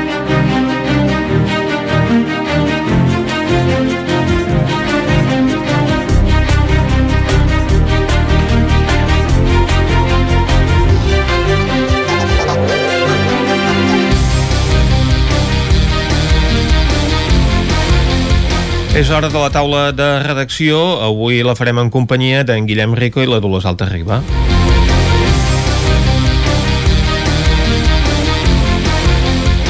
Comencem parlant amb en eh, Guillem de l'augment de les plaques solars d'autoconsum que s'instal·len a Osona.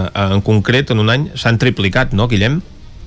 Sí, bon dia. Doncs s'han triplicat, s'ha passat, eh, posat 272 instal·lacions noves, eh? no vol dir nombre de plaques total, sinó... Uh -huh. En número d'instal·lacions. D'instal·lacions, que hi ha instal·lacions com, per exemple, una família que parlava, dir que doncs en tenen 12.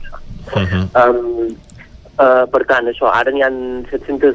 Ai, perdó, 340 instal·lacions, um, però la majoria són de... Estem parlant d'instal·lacions de fotovoltaiques d'aquestes d'autoconsum i la majoria que s'han instal·lat són de, diguem, de, de... Ara no em surt el, nom, eh? Són, són d'habitatges, diguem, eh? no són empreses. Uh -huh. Són de, de, de, En particulars, en habitatges unifamiliars. Uh -huh. Exacte, són aquestes de, de, que, que tenen instal·lades doncs, en cases per, per funcionar elles eh, a dins de casa, eh, per ús domèstic. És a dir, les tenen per funcionar de forma autònoma, no, no per vendre aquesta energia a la xarxa, Exacte. o hi ha una mica de tot? En alguns casos, si en produeixen de més, doncs, doncs sí que la poden arribar a vendre. Uh -huh. uh, però ha estat en aquest últim any que hi ha hagut aquest, aquest boom uh, i s'han avançat posicions, uh, això fa que l'Osona sigui la sisena comarca on hi ha més instal·lacions uh, d'aquest tipus, uh -huh. uh, i ha avançat un parell de posicions respecte a fa un any, abans era la vuitena. Uh -huh. Des de l'Agència Local d'Energia d'Osona parlàvem amb Gil Salvans i explicàvem els diferents motius no, que poden haver fet aquest, eh, propiciat aquest augment. Per exemple, eh, hi va haver un canvi de legislació a l'abril del 19 que, que agilitza i simplifica posar aquest tipus d'instal·lacions, per tant això s'han vist els fruits des de l'any següent.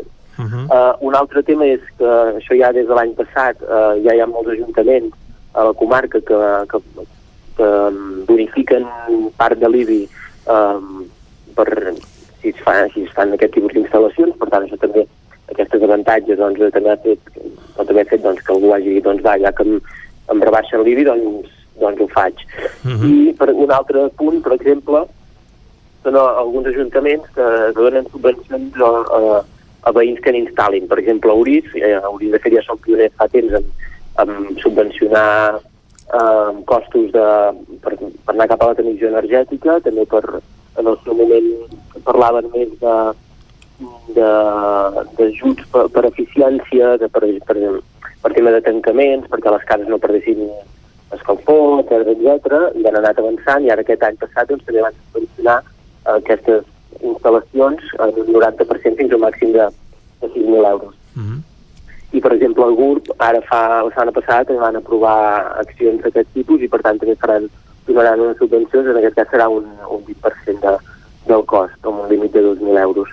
Uh, això, per exemple, també empreses cooperatives de, com Som Energia també han, han propiciat uh, la compra uh, d'aquest tipus de, de plaques solars, de campanyes, diguem, això per la compra conjunta que, com aquesta que va fer Som Energia, uh, per instal·lar i llavors en el seu cas es va, uh, van promoure 60.000 instal·lacions, algunes encara s'estan acabant de, d'executar i per tant estan dins d'aquestes xifres. I llavors però s'ha triplicat el nombre d'instal·lacions però que no ha estat la potència Uh -huh. instal·lada uh, no ha estat tan gran, ha estat del 50%. Per què? Doncs precisament pel que deien, per aquests tipus de plaques d'ús domèstic que vol dir que no generen tanta energia. O sigui, se n'han posat moltes, però també són això, cosa petita, diguem, eh? Uh -huh. Per tant, ara se generen uh, 10 10,4 megawatts, uh, ha augmentat un 4,8, um, això, um, si l'any anterior Osona era la comarca líder en aquest aspecte, que és el que, on generava més potència, ara l'ha passat al Vallès Occidental per molt poc, perquè ja generen 10,8 i aquí 10,4, Uh -huh. um, i aquest, això eh, és pel fet aquest, eh, perquè és aquest tema de l'ús domèstic, hi ha poques indústries i per tant es generen pocs quilowatts. I de fet, si tenim en compte aquesta xifra, aquests 10,4 megawatts, és una xifra encara inferior del que generarà aquest parc previst de, de macroparc eh, Polveroles, Uh -huh. eh, que aquest sí que va tirar endavant, no com aquell macroprojecte de, de Manlleu, Torelló i l'Esquirol, Sí.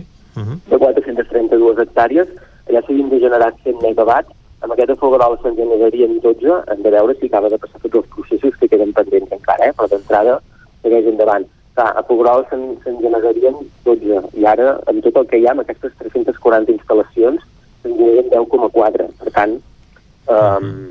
això eh, també ens ho explicaven des de l'Agència de, Local de l'Energia d'Osona, doncs que eviden, evidencia que s'ha d'anar cap aquí, però que també evidencia que s'haurà de posar al terra, que per tant no ens n'escaparem, diguem, de tenir aquests parcs solars, o sigui que amb la mesura adient per no, eh, diguem, malmetre, per dir-ho manera, el, el territori com podia haver estat aquest macroparc que es preveia la llançoria de l'Esquirol. Aquest de Folgueroles és una mica més petit, eh, alguns que encara consideren que és massa gran, però s'haurà de veure. En tot cas, a Catalunya, pel que es diu, cada any s'haurien de sumar 6 megawatts Uh -huh. fins al 2030 per arribar al que s'aconsella per la lluita del, contra el canvi climàtic. Uh -huh. Per tant, que ara Osona només, només per dir d'una manera, que, que és on, dels llocs on se'n produeix més, en aquests 10,4. I pel que fa a potència també, doncs d'aquests 10,4, els que en generen més, els que aporten més en aquest 10,4 megawatts, és a, a, a Gurb, a Vic i a Balanyà. Aquests són el segon, el quart i el sisè municipis. Eh? Uh -huh. uh, Vic, a Gurb és el segon, Vic el, el quart i Balanyà el sisè municipi de Catalunya on es genera més, més energia fotovoltaica. Per la presència precisament d'empreses no, que les tenen a les seves teulades. Exacte, en aquest cas sí que coincideix que hi ha grans empreses que, que, que fan que augmenti. I, per exemple, si ens fixem en el Ripollès o el Moianès, doncs el Ripollès també s'ha duplicat el nombre de instal·lacions fotovoltaiques d'autoconsum a darrer any. Uh -huh. O que partim d'unes xifres molt baixes, i ara hi consten 3 instal·lacions i generen 524 quilowatts, per tant encara, encara que són el doble dels que hi havia, per exemple, al juny, doncs encara està molt lluny. I a Moianès n'hi ha 46, amb una potència de 325 uh, quilowatts. Per tant, també uh, van molt enrere. Sí que aquí hi ha previst algun altre algun projecte d'aquests més grans i que pot fer que això que les xifres aviat puguin, puguin canviar. Molt bé, doncs moltes gràcies, eh, Guillem. Nosaltres ara continuem a la taula de redacció parlant amb la Dolors Altarriba i ho fem eh, per parlar doncs, eh, els ERTO, d'aquests expedients de regulació temporal d'ocupació que a conseqüència de la pandèmia han afectat ja a 20.000 usonencs, oi Dolors? Sí, eh, bé, 19.155. Uh -huh. En el cas d'Osona... Ja hi arribarem, no 2.680 pateixis. I 2.684 en el cas del, del Ripollès. Eh, sí, bé, de fet, a veure, és el que... Eh, sí, els ERTO no deixen de ser EROs, en aquest cas eh, amb la T de temporals, perquè, per, per el tema de la pandèmia, eh? però Sí, sí. eh, està clar que, que, que han set, eh, és, és, és el nombre més gran que hi ha hagut de, expedients de regulació eh, des del 2008 eh, que, que, va, que va començar doncs, l'altra crisi Uh -huh. anteriorment, els, els anys anteriors tampoc és que n'hi haguessin hagut gaire, segur que si tirem enrere també és la vegada que n'hi ha més, no? Uh -huh. Uh, de, del total d'expedients del 2020, eh, d'expedients no, de persones afectades, són 2.389 a Osona i 533 al Ripollès.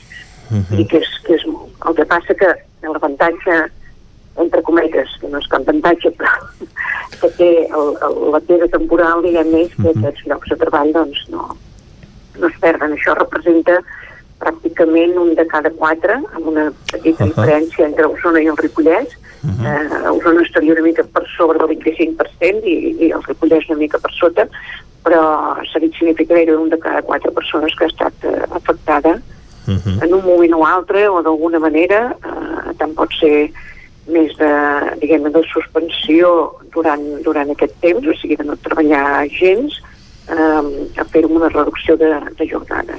En canvi d'extinció, dels que vindrien a ser d'extinció, els que sí que destrueixen llocs de treball, el cert és que doncs, l'any 2020 hi van haver només dos, dos a Osona i dos a, Ripollès, que en total van, eh, van afectar doncs, a, a una, no, no va arribar bueno, a un centenar de persones. Vol dir que eh, sí que diguem hi ha aquest punt que, que permet pensar que es pot eh, que es mantenen els llocs de treball. Eh? Mhm. Ara bé, eh, bé, veurem com va aquest any 2021.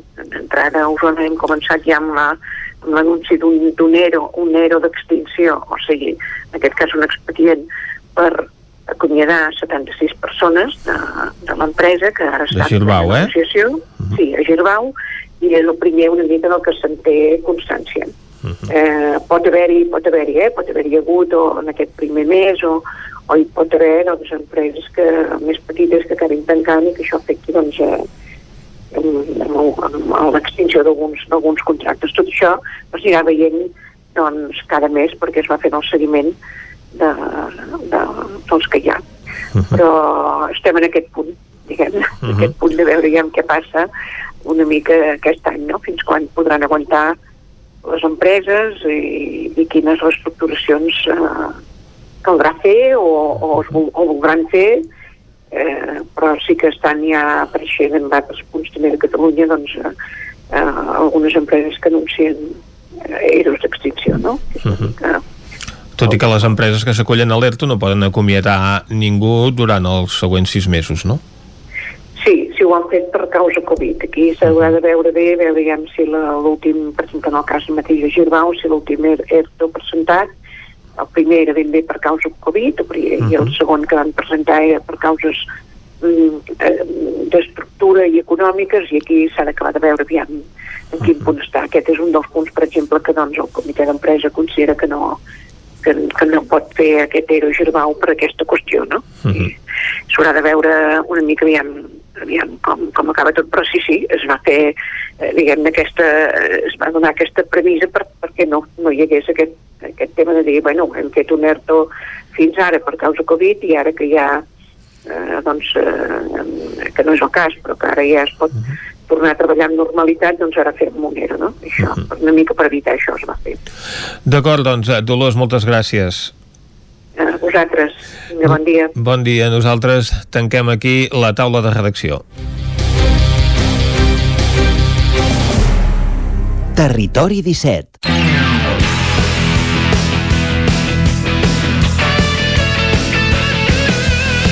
Doncs tanquem la taula de redacció, Vicenç, i anem a parlar d'esports. Com els ha anat els equips del Territori 17 al cap de setmana? Doncs ho sabrem de seguida. I per on arrenquem aquest repàs, Vicenç? Arrenquem a Cardedeu amb l'Òscar Muñoz. Bon dia, Òscar. Bon dia. Com ha anat el cap de setmana esportiu? Doncs millor, ha anat Bé, millor aquesta setmana. Això, això està bé. Comencem per les noies del CAC 7 a l'handbol. Dissabte van golejar el Une Atlántico Pereda per 47 a 29 i passa a la fase final de la Copa de la Reina, que la deixaran aparcada fins a fins al juny. L'equip renollerí va guanyar això l'eliminatòria global amb un 85 a, 50, ai, a 57 i en cap moment va perillar l'avantatge de 10 gols que, que tenien de l'anterior partit i tampoc va perillar el, el pas a, a la fase final gràcies al joc contundent que, que van portar durant tot el partit i, i això, i gairebé al descans ja es donava per fet el, la victòria. Gràcies al resultat van aprofitar també per donar minuts a les jugadores de la base, com ha estat l'Anna Zarzuela, jugadora del juvenil, que fa una setmana que s'entrenava amb el primer equip i doncs ja va poder disputar el seu primer partit a la divisió, bueno, a la Copa de la Reina. Molt bé. I ara el CAC 7 es centra a la divisió d'honor, que el seu pròxim partit serà aquest dimecres a la pista de l'Elx. Encara han de confirmar l'hora exacta, Uh -huh.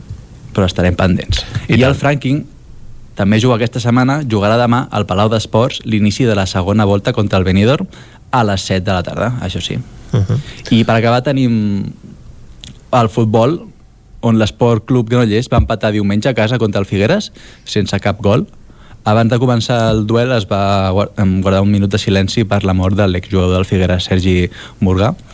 I, i això, l'Esport Club venia de guanyar èpicament el dijous contra la Fundació Esportiva Grama, però que contra el Figueres doncs, no va poder superar l'empat. I això, sumen un puntet aquest cap de setmana i ocupen el setè lloc de la classificació amb 16 punts. I per acabar tenim bones notícies al bàsquet, ja que l'acord de les federacions espanyola i catalana eh, doncs han transformat la primera divisió de, de bàsquet català en femení en el campionat d'Espanya de la primera divisió femenina. Uh -huh. Tot i això, l'ens federatiu assegura que si la Lliga eh, la Lliga s'iniciarà si eh, els indicadors de, de l'evolució epidemiològica eh, són favorables. Així que els, els participants es dividiran en quatre subgrups de cinc equips cadascun i el Granollers femení iniciaria la Copa Catalunya el 6 de març contra el Valls. Doncs a veure si això pot ser així perquè ha millorat la situació epidemiològica. Moltes gràcies, Òscar. A vosaltres. Anem nosaltres ara de nou a una corinenca amb la Caral Campàs. Bon dia, Caral. Hola, bon dia. Doncs mireu, pel que fa a la competició professional dels equips de, de la zona que tenim per aquí, que és, que és bàsicament d'hoquei, uh -huh. uh, no hi ha hagut uh, partits aquest cap de setmana i us recordo una mica els motius per, per cada equip que ja vaig avançar divendres.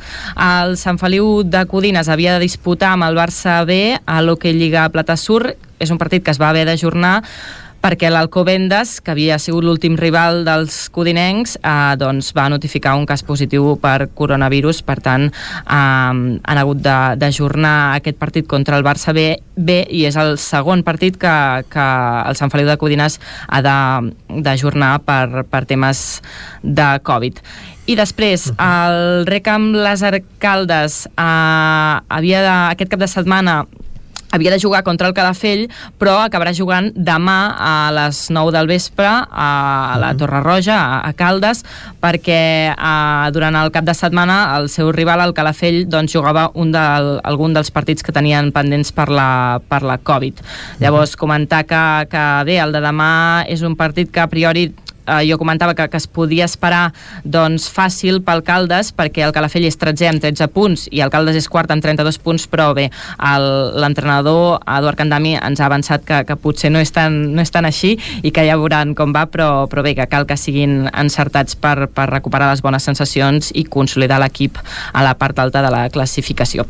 I finalment, doncs, comentar-vos també que el Vigas i Riells femení eh, ja, ja va tancar la fase 1 amb tranquil·litat tranquil·litat, amb posicionats al número 3 de la classificació, eh, una posició que els permet disputar eh, doncs bé, la fase 2 que enfrontarà els quatre primers, eh, que començarà el, el 13 de febrer, i també una posició que, com bé comentaves tu, Vicenç, doncs els assegura ja la, la plaça per la Copa de la Reina. Exactament, doncs moltes gràcies, Caralt. A vosaltres. Anem a visitar el Ripollès amb l'Isaac Muntades. Isaac, bon dia. Bon dia, Vicenç. Com està l'actualitat esportiva al Ripollès? Bé, tenim una novetat d'aquest mateix matí, que és uh -huh. que doncs, la pandèmia del coronavirus, evidentment, obliga a endarrerir o a suspendre molts esdeveniments i s'ha de dir que els tres dies trials de Santigosa de Sant Joan de les Abadeses com ja segurament era previsible, no se celebraran per a Setmana Santa, com és habitual, uh -huh. recordem que sempre se celebren doncs, a, en aquestes dates, i en canvi, des de la, les xarxes socials de l'entitat del Motor Club Abadeses, doncs han eh, eh, oficialitzat que en principi sempre que ho permeti l'evolució de la pandèmia i que evidentment doncs, s'hauran doncs, d'adaptar les circumstàncies d'aquell moment i a les possibles limitacions d'organització doncs, els tres dies trials de Santigós enguany se celebraran el 9, el 10 i l'11 d'octubre. Per tant, ja se'n va a la tardor aquesta uh, cita històrica del motor i del trial uh, al Ripollès i també a Catalunya i evidentment mundial perquè és una de les cites uh, més importants del món on hi ha les primeres espares doncs, de, del trial tant de les velles glòries com, com de les actuals. Per tant, doncs, eh, bé, en certa manera, almenys, de moment no, no se suspèn el trial com va passar l'any passat, eh, s'ajorna en aquestes dates i veurem doncs, eh, si, si eh, en els pròxims dies van concretant més noves novetats sobre inscripcions o com funcionarà una mica eh, aquest any aquesta eh, cita del motor que els últims anys, si us recordeu, havia tingut problemes per al tema de tot el tema de, de llicències per poder passar per determinats eh, espais i ara amb això del coronavirus també ha, set, eh, ha suposat un cop molt fort des de, des de l'any passat. Mm -hmm. Molt bé, doncs gràcies Isaac per aquesta última hora sobre el trial de Santigosa. A vosaltres. I ara nosaltres anem a repassar l'actualitat esportiva de la comarca d'Osona on Jordi els teus desitjos són ordres pel Club Petit Aradell. Uh, sí, sí, sí. Ho, ho vas dir divendres? Ho vam avançar divendres, eh? Suposo que molt poca gent s'ho pensava i jo ja mhm. vaig dir que el Taradell uh, m'ensumava alguna cosa. L'any passat ja va donar la sorpresa, diuen que, home, dos anys seguits això és impossible. Doncs no, no és impossible. I ho van demostrar a ho la van pista. tornar a fer. I tant que sí. Ens ho explica ara l'Ester Rovira. Bon dia, Ester. Bon dia. Doncs sí, un equip que arribava uh, dissabte al Pujoló com a equip invicte, líder de l'hoquei a Lliga um, i que va marxar doncs havent perdut aquesta primera posició tot i que continua estant empatat a, a 46 punts a, amb el Barça però, però bé uh, que, que comparteix uh, el, el liderat eh, després d'aquesta ensopegada, que com bé deia, doncs ja es va produir la, la temporada passada, els gallecs que eren conscients que podia tornar a passar, de fet, eh, el, seu, el seu entrenador Uh, Juan Carlos Copa ho deia abans de, del partit, que havien d'estar molt atents, que era una pista que, que ja els havia resultat molt complicada la temporada passada, i així va ser. Uh, van perdre per 4-2 um, en un partit on els taradellencs van haver de remuntar un 0-2 advers, vull dir que no és allò que ja es posessin per davant d'entrada, de, sinó que, que, que van ser els gallecs qui es van posar per davant i els taradellencs van acabar remuntant i guanyant per aquest 4-2 eh, en una nova tarda històrica eh, per un equip com, doncs, com, el, com el Taradell eh, que és desè a la, a la classificació que gràcies a aquesta victòria ha tornat a sortir d'aquesta zona complicada de la, de la classificació uh -huh. on va entrant i sortint en, en les últimes setmanes però bé, ara és fora ja fins i tot de les, de les posicions de, de play-out per tant, uh -huh. eh, victòria important eh, per als taradellencs eh, com també eh, ho va ser la, de, la del Voltregà en el, en el derbi d'ahir de, a la tarda per 1 a, a 3 a la pista de, del, del Patí Vic, a l'Olímpic de, de Vic un partit eh, in, equilibrat, eh, uh -huh. intens, eh, amb patiment pels dos conjunts i en final obert, perquè sí que és veritat que la primera part va ser de domini eh, voltreganès i que doncs, fins i tot els de Manolo Barceló podrien haver fet alguna cosa més, però a la segona part doncs, el Patí Vic també podria haver ajustat molt més les coses i potser no guanyar, però, però sí empatar el, el mhm. partit amb, amb alguna de les ocasions de què van disposar, per tant aquest 1 a 3 uh, eh, final uh, uh, que dona aquesta victòria i aquests 3 punts al Voltregà uh, importants per aquestes seves aspiracions d'aquesta temporada d'estar de, fent una bona campanya però que mm, bé que podria haver sigut el, el final del partit un, un desenllaç diferent, uh, diferent. Uh, no va ser així. Uh, i el Petit Vic doncs, continua en 15a posició amb, amb 10 punts mentre que els voltreganesos són sisens amb 27 Uh, per tant, això que dèiem uh, el Voltregà continua aquesta gran campanya ja després d'haver-se classificat per disputar la, la Copa del Rei. Això pel que fa a l'Hockey Lliga i a l'Hockey Lliga Plata dir que uh, el Manlleu ha recuperat el primer lloc després de superar dissabte el Vilafranca a casa per 3 a 1 um, era important venint mhm. d'aquella de, derrota per 8 a 7, recordem, amb el Sant Just, que, sí. que és l'altre equip de la part alta de, de la classificació d'aquest uh, grup nord de, de l'hoquei Lliga Plata i per tant doncs, victòria de mèrit contra el Vilafranca que era qui es va posar líder després d'aquell de, resultat um, entre uns i altres, per tant el, el Manlleu que continua aspirant a unir-se als equips uh, usonencs a l'Hockey Lliga que són tres uh, aquesta temporada i que veurem com va la temporada que ve. I en el cas de l'Hockey Lliga femenina dic que el, el Manlleu no, no fluixa i aquest cap de setmana les de Jordi Boada uh, visitaven l'Alcorcón uh, amb qui teníem -huh. pendent el partit del cap de setmana del Filomena. Recordem que havien de visitar-les aquell cap de setmana i no van poder anar a Madrid les mallauenques i van anar aquest dissabte i van golejar per 1 a 11 en aquest tram final eh, que els queda d'aquesta primera fase de l'hoquei Lliga Femenina. Recordem que la setmana que ve encara han de rebre el Gijón, uh -huh. eh, mentre que el grup B ja la setmana passada va quedar eh, tancat el, el grup i aquesta primera fase. El grup A, que és el que hi havia més desplaçaments per la resta de l'estat espanyol, n'hi ha hagut diversos eh, doncs, pel cap de setmana de, del temporal, però també per diversos casos de coronavirus i encara els queda el proper cap de setmana per acabar la competició abans no comenci la, la segona fase. Um, destacar també que aquest cap de setmana començaven els hoqueis de, de Nacional, i hi havia també un, un derbi de filials entre el Vic B i el Voltregà B. En aquest cas hem de dir que la victòria va ser um, per, el, per el Vic, per, per 3 a 0, um, i també va guanyar uh, el Manlleu per 9 a 0 en el seu cas amb el Xum, i en el cas dels equips uh, femenins, el Voltregà B va superar a casa el Vigues i Riells per 4 a 1 en aquest retorn a la competició, mentre que el Manlleu va empatar a casa amb el Mataró a 4 gols. I acabem amb dos apunts de, de futbol. Mm. per destacar que en el cas del Vic Riu primer eh, doncs van jugar dos partits aquest cap de setmana però no en van poder guanyar cap. Dissabte rebien el Saragossa B amb qui van perdre per 1 a 2 mentre que diumenge visitaven el Balears eh, aquest també pendent del, del cap de setmana del, del temporal Filomena. No van poder-hi eh, volar i van perdre per 1 a, a 0 eh, van notar el desgast les biguetanes d'haver de, de jugar dos eh, partits, tot i així eh, hem de dir que, que la bona feina feta a l'inici de la temporada fa que es mantinguin cinquenes a la classificació amb 24 eh, punts, però bé, eh, aquest cap de setmana sens dubte no ha estat el, el seu a la, Era a la massa, competició. sí, resultats molt ajustats també és veritat, Mhm. però, però bé eh, que no, no se'n van sortir. I en el cas de la Lliga Nacional Juvenil eh, segona victòria de la temporada pel, pel Manlleu.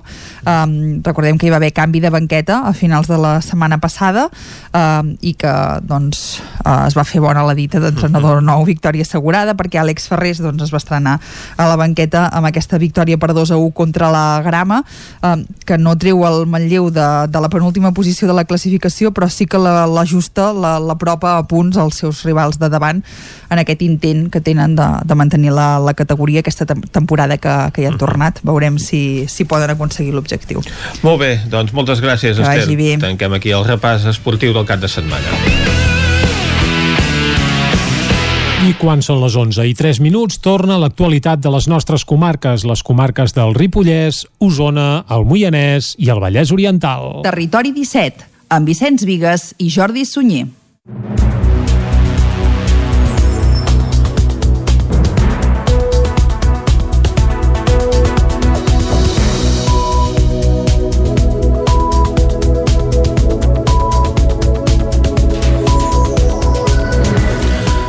El Tribunal Superior de Justícia de Catalunya manté les eleccions pel 14F. La secció cinquena de la sala contenciosa administrativa del Tribunal Superior de Justícia de Catalunya ha anul·lat el decret del govern que ajornava les eleccions al Parlament fins al 30 de maig i, en conseqüència, manté la convocatòria inicial pel 14 de febrer.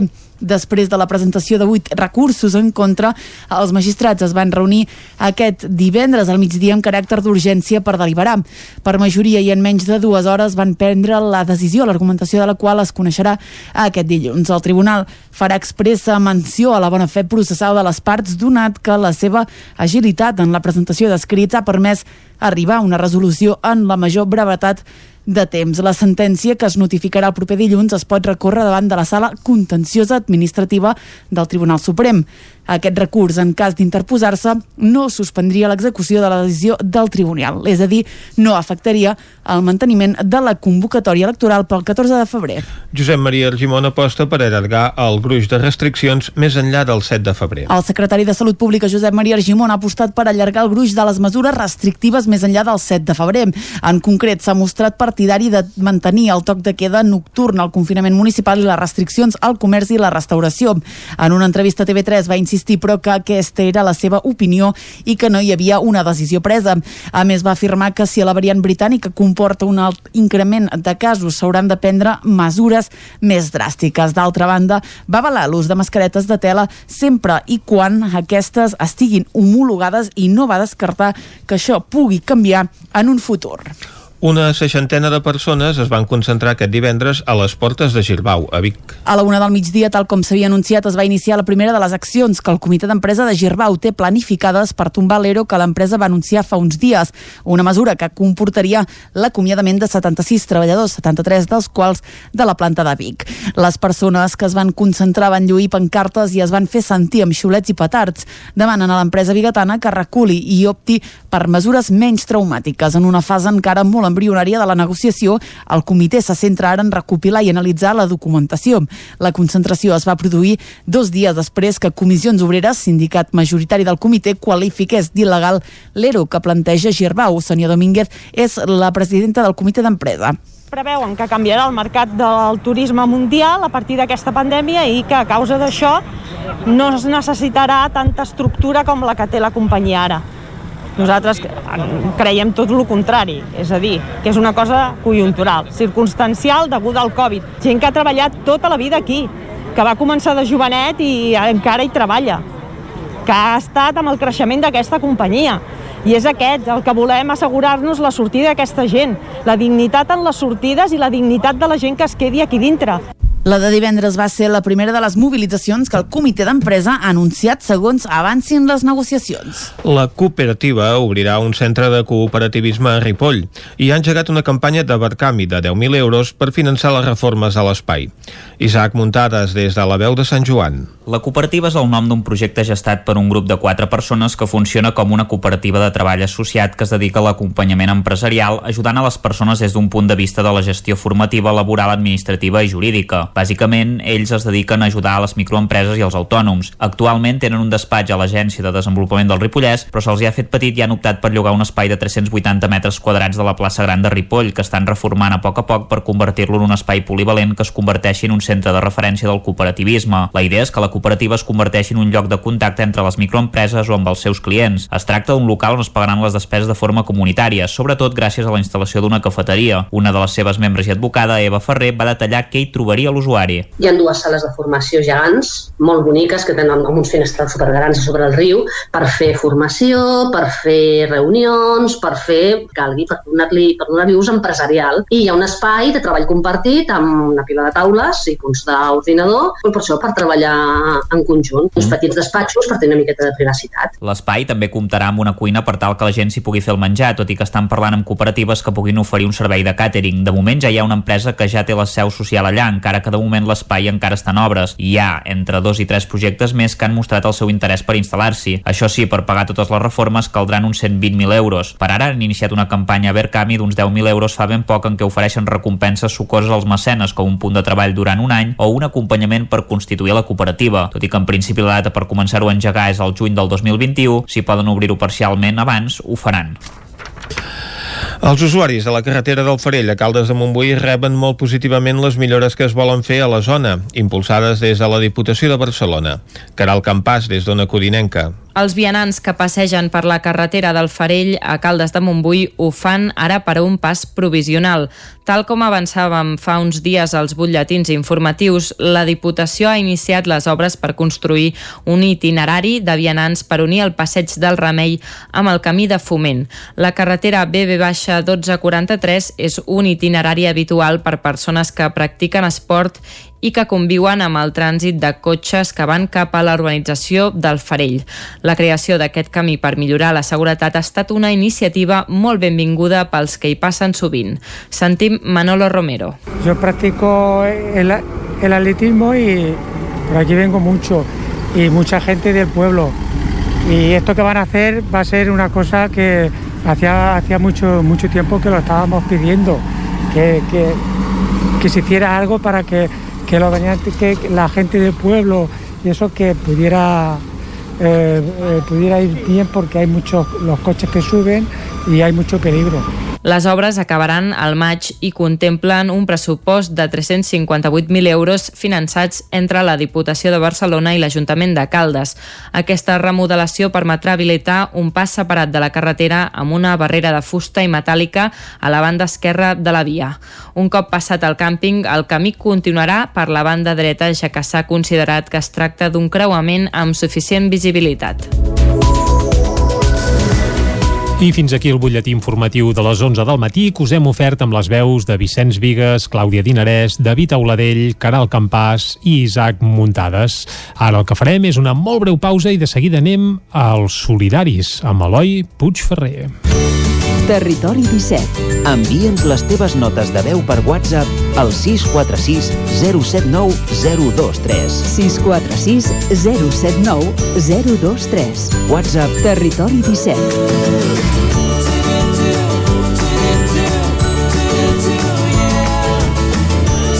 Territori 17. Som a Facebook, Twitter i Instagram amb l'usuari Territori 17.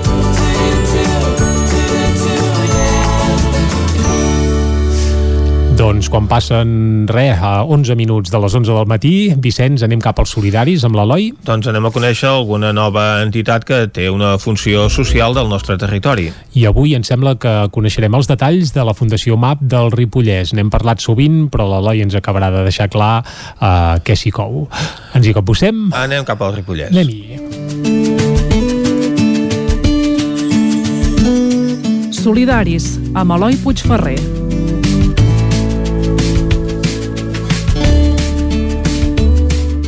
Quan parlem de fundacions solidàries, a tothom li ve, per defecte, algun nom o alguna organització al cap. Bé siguin aquelles de tota la vida, les més famoses o algunes amb qui s'hi manté alguna mena de relació. Poc o molt, qualsevol persona es pot fer una ràpida imatge de què és una ONG o una fundació solidària personalitzant-ho amb algun nom propi. I és que, si ens posem a buscar, trobarem organitzacions amb un llarg recorregut a les nostres comarques, que amb els anys ja han aconseguit assentar-se i arrelar amb molta força. Avui, des de Ràdio Vic i a través de l'antena de Territori 17, coneixerem un dels noms propis de la comarca del Ripollès, la Fundació MAP, que centra la seva acció en vetllar per la inserció laboral i per la formació d'aquelles persones amb capacitats diferents, un col·lectiu que en molts casos rep un tracte diferencial i fins i tot negatiu no són persones amb discapacitats sinó amb capacitats diferents no? llavors que, que tots tenim capacitats diferents i que tots tenim eh, temes que se'ns donen més bé i temes que se'ns donen més malament i que, que tots, d'alguna manera, o molta gent, o que això ens hi podem trobar en qualsevol moment de la vida, necessitem suports. No? Jo, per exemple, doncs, abans no hi ulleres, ara porto ulleres, perquè si no us m'hi veig. No?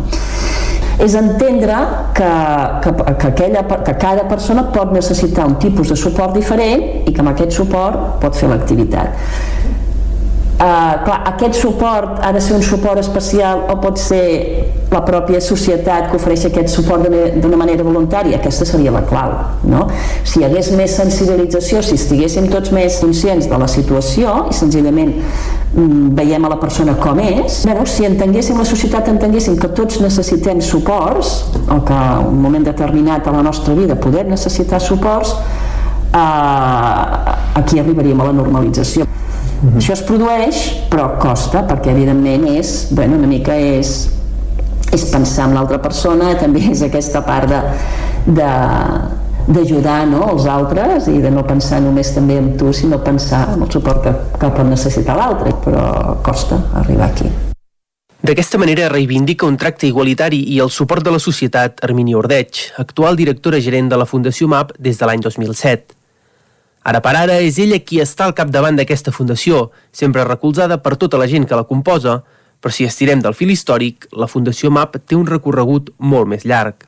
La Fundació MAP és una de les primeres entitats que, que va néixer, ara precisament he fet 52 anys ja, va néixer l'any 68 arran d'uns pares, d'unes famílies que tenien els seus fills amb algun tipus de discapacitat intel·lectual i que aquests seus fills no podien anar a l'escola com la resta de nens, no podien fer les, la resta d'activitats que feien la població en general. No? Llavors, aquest moviment que va sortir de la societat civil, eh? aquest moviment que van ser...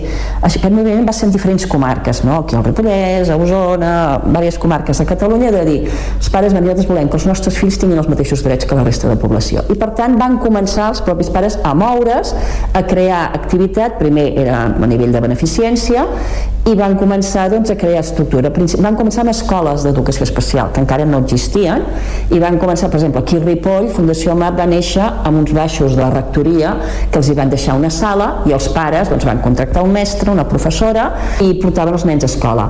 Després, a partir d'aquí, aquests pares van dir, vale, doncs els nostres fills ara van a escola, però quan es fan grans també volem que puguin tenir una feina que puguin treballar. Llavors va ser quan van sorgir els centres especials de treball, que són empreses socials de treball protegit, que vol dir que estan a, s'ofereix treball a persones amb discapacitat o risc que necessiten d'un suport. Vale? Llavors hi ha un, tot un equip a darrere de psicòlegs, treballadors socials, educadors, perquè puguin desenvolupar aquesta feina. No? I en definitiva, tots els serveis que ara tenim en van sortir de la pròpia societat civil, de les pròpies famílies que van anar empenyent. I què va fer després l'administració? doncs agafar aquests, aquests serveis i posar-los en una cartera de serveis i l'administració els va anar assumint. Ara, avui, 50 anys després, som entitats que estem concertades eh, en quant a serveis d'atenció a la persona. Malgrat l'evolució i el pas del temps, encara avui en dia la Fundació MAP té molt clars els seus objectius, que encara van en la mateixa línia que els primers. Ara, però, els ha tocat fer un canvi i centrar-se en l'aspecte laboral més que no pas en l'educatiu. Ordeig ho explica. Aquest tema de l'educació ja està cobert. El que no està cobert és el tema de laboral, eh? o sigui, està cobert el tema de l'educació, està cobert el tema de la protecció residencial també, està cobert el tema això d'activitats diurnes, però hi ha moltes altres, eh, com el tema de l'oci no està cobert, ho fem però no està cobert per l'administració, i el tema laboral doncs es va crear aquests centres especials de treball. Vale? Però clar, aquí sí que hi ha aquesta ajuda econòmica però clar, has de desenvolupar l'activitat has de tenir una activitat, has de produir has de, has de facturar, has de ser totalment productiu també perquè estàs competint amb el mercat no? llavors sí, hi ha hagut aquesta aquest, aquest uh, desplaçament o aquesta aparatada en el sentit de laboral no? perquè està clar que si una persona té un lloc de treball i cobra una nòmina i aquesta nòmina li permet viure en un pis i tenir una vida autònoma això és el que el que dona l'autonomia a la persona no? i el creixement uh, si no tens un lloc de treball i, i has de viure d'un ajut i així doncs és, és diferent no? el dret al treball és un dret com qualsevol altre no? o sigui, parlem del dret doncs això, el dret a l'educació el dret a, a tenir l'autonomia, a tenir una vida independent, com el dret a votar, no? Ara, fins fa quatre dies no, tampoc es podia, podien votar, no? Llavors, el dret al treball és un altre d'aquests drets, no? I és, en definitiva, el dret a portar una vida digna i a portar una vida autònoma.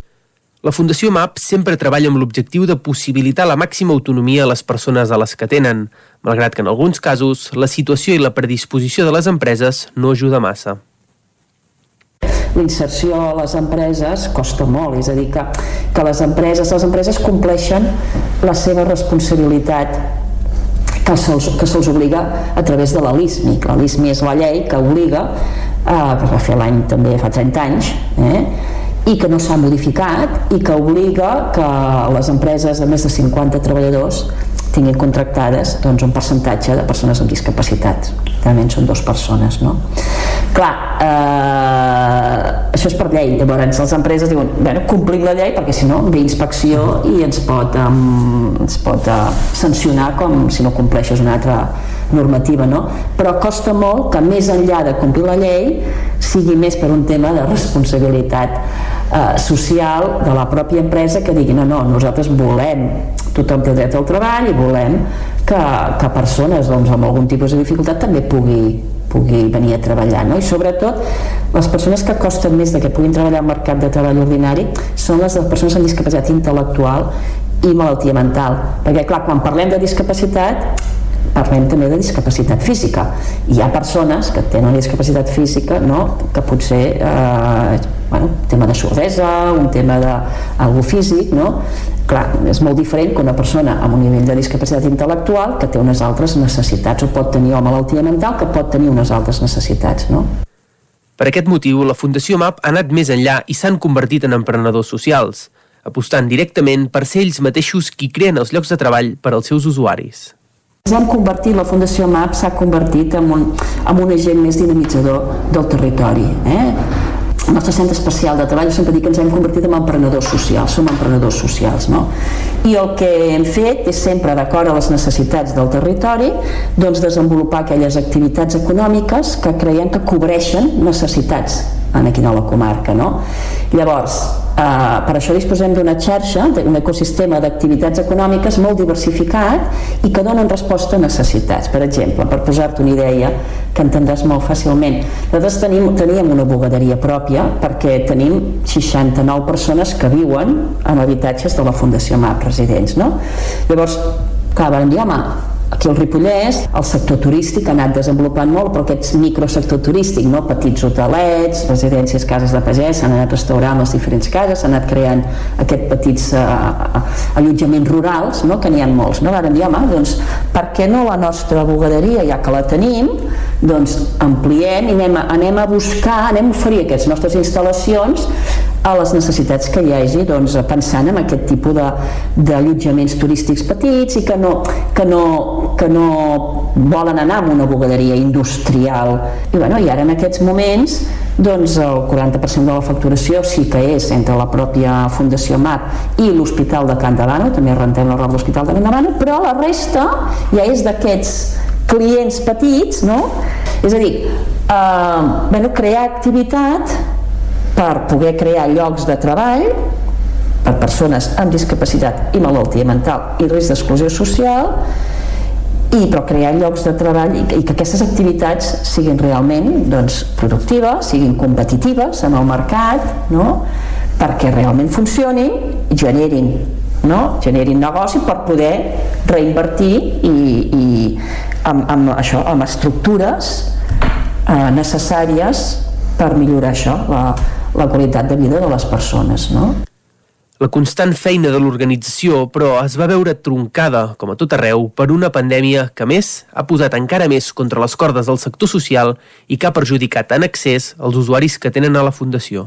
Ha sigut una situació, està sent, està sent una situació, jo diria, horrorosa, perquè ells ho viuen, no? Molts d'ells tenen algun problema més de, més de salut i així. Bueno, això ha fet que que clar, que hagin viscut a, a tot aquest període molt més confinats que la resta de població. Llavors, a nivell d'administració, clar, com que estem concertats, s'agafa allò típic, no? S'agafa grans packs, no? Residències.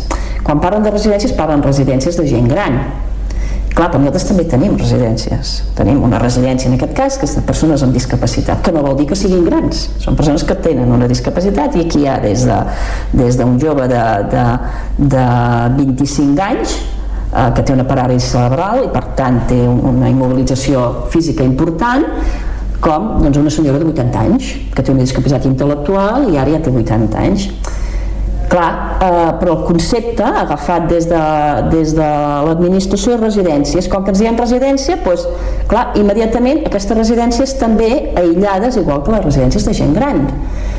I clar, dius, home, a la nostra residència sí que hi ha gent que ha d'estar aïllada, com la gent gran, o perquè ja és gran, o perquè té una patologia de salut física que podria afectar-li, això és cert, però clar, la nostra residència hi ha, hi ha, hi ha joves joves i fins a 40 i 50 anys que no tenen, el seu tema és que tenen una discapacitat, ja sigui intel·lectual física, però no, no, no tenen cap més, no? per tant aquests haurien de poder sortir no? Llavors, i això no, no, com que aquesta diferència no es fa clar, ells estan tancats des de uh, per norma des del mes de, de març no? llavors Uh, clar, és, és, uh, ho estan patint realment clar, ara cada vegada hem de sectoritzar més, no? De dir, ah, grups bombolla, només amb el mateix equip de professionals, la mateixa gent, ells tenen ganes de, de sortir del seu pis, de sortir de la residència, que venen al centre de dia, de voltar, d'anar a teatre, fèiem moltes, som, som, som entitats que treballem molt també tota la part comunitària no? I, i moltes activitats culturals i teatres i cinemes i, i, i caminades i excursions que aquí que allà clar, tot això s'ha parat tot d'una activitat frenètica de que, de que van fent i de que no paren cada cap de setmana tenen activitats per fer, doncs clar, a quedar-se només a casa, no? Tard o d'hora, la Covid-19 passarà i aleshores entitats com la Fundació MAP seguiran sent totalment necessàries i amb un llarg camí per davant. Tot i això, encara els queda molt per recórrer.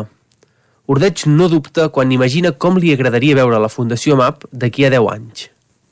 M'agradaria veure-la molt més, eh, molt més integrada en, la, en, a, en aquest cas en la nostra en la comarca. Eh? La nostra ambició no és sortir del Ripollès, si no és necessitats del Ripollès. Uh, estem, no? O sigui, la comarca diu, oh, Fundació MAP, no? que si no hi fos s'hauria d'inventar, que fa una gran labor, que ho feu molt bé, que, bueno, que creix molt... Sí, sí, però és que això no és el que interessa, el que interessa és, vale, però tu com a, com a ciutadà de la comarca, no? com, com, com participes o com, com, com fas no? que, que tota aquesta tasca que es fa des de la Fundació MAP sigui realment inclusiva no? com fem que totes les persones de la Fundació MAP potser mm, no hagin de no, no, no haguem de crear tanta activitat per crear llocs de treball sinó que, que, que les empreses de la comarca ja cobreixin això no? o com fem perquè doncs, eh, eh, les activitats, de, tota la planificació de, de lleure, d'oci, doncs no faci falta, perquè ja, la comarca ja hi compta. I en essència, aquest objectiu només es pot assolir treballant com toca i arrelant amb força a la comarca. I a la Fundació MAP, aquest és un dels pilars que sustenten el seu èxit i que reforcen la seva manera de fer des d'un bon començament.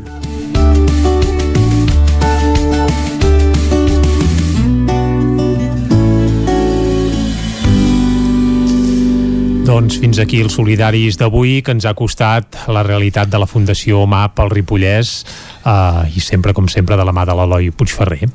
I ara, Vicenç, ens queda feina encara, eh? ens queda més de mitja hora de Territori 17, de seguida farem una pausa, després, al Descobrint Catalunya, tornarem cap al Ripollès, avui coneixerem les bondats d'Ugassa, i acabarem fent tertúlia esportiva, oi? Que hi ha coses a explicar perquè el cap de setmana ha donat molt de sí en matèria futbolística. I tant que sí. Bé, tornem de seguida, ara una breu pausa i seguim aquí a Territori 17. El nou FM, la ràdio de casa, al 92.8. Can Xalant, moda i complements. Més que rebaixes, nova secció tot a 10 euros. Moda home-dona, nen-nena, sabates, bosses de mà, maletes, complements i molt més. Sí, ho has sentit bé, tot a 10 euros. Vine a Can Xalant, ens trobaràs al carrer Sant Tomàs 4 de Call d'Atenes. També a Instagram i Facebook. Són temps de reptes. A la Fogonera n'hem aconseguit tres. Servir arrossos d'estrella, per emportar i a un preu de justícia. Aquest hivern tenim l'arròs de calçots en tempura. La Fogonera, la rosseria de paelles per emportar a GURB i que també et portem a casa. Telèfon 93 851 55 75 i a lafogonera.cat. I quan cau la nit, Pupurri Culinari, solucions per sopar les nits de divendres i dissabte. Entra a pupurriculinari.cat i tria. Hi ha una màgia que no té truc. És la màgia de compartir una estona amb algú i parlar-hi. Vols practicar el català o ajudar algú a parlar-lo? Apunta't al Voluntariat per la Llengua, al programa de les parelles lingüístiques a vxl.cat. Perquè quan parles, fas màgia. Generalitat de Catalunya. 100 milions Cocodril dins de Club. Si t'agrada la bona música dels anys 60, 70 i 80, escolta el 9 FM els matins de dissabtes i diumenges d'11 a 1. És el temps del Cocodril Club, tot un clàssic de la ràdio, amb les bases del pop-rock, les llegendes, les cançons que s'han convertit en autèntics himnes. Recorda, dissabtes i diumenges al matí, d'11 a 1, al 9 FM 92.8. Cocodril Club, el programa revival de l'Albert Malla. Hasta luego, cocodrilo. Anuncia't al 9FM. La ràdio de casa. 9 3 8 8 9 4 9 4 9. Publicitat arroba al 9FM.cat. Anuncia't al 9FM. La publicitat més eficaç. Perill de glaçades? Per evitar problemes a les instal·lacions d'aigua en cas de glaçades, Aigües Vic recomana que es prenguin les mesures adients, protegint-les amb els materials adequats. Aigües Vic recomana la protecció amb Porexpan o amb altres materials aïllants, però sempre fàcils de posar i treure per facilitar la lectura del comptador. Per a més informació truqueu al 93 885 2500 o entreu a aigüesvic.com. El restaurant El Racó de León no s'oblida dels seus clients en aquests temps difícils i us ofereix els vostres plats preferits per emportar. Reserves al telèfon 93 889 1950. Obrim amb el 30% d'aforament. Disposem de menjador i terrassa amb totes les mesures de seguretat. El 9 FM.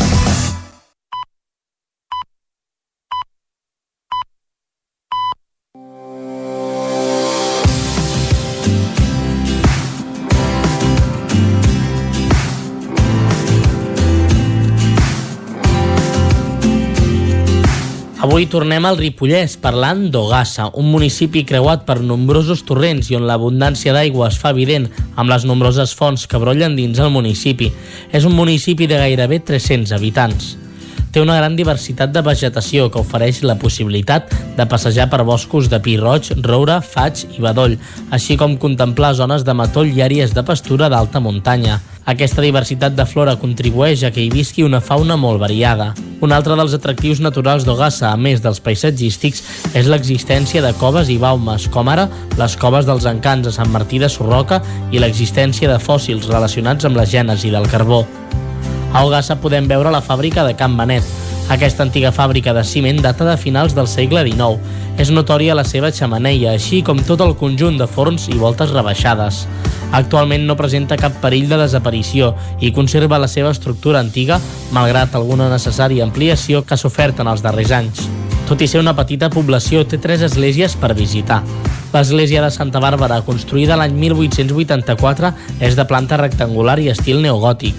Durant els anys 1860 i 1890, la conca minera de Sorroca va rebre una forta empenta degut a la possibilitat del carbó.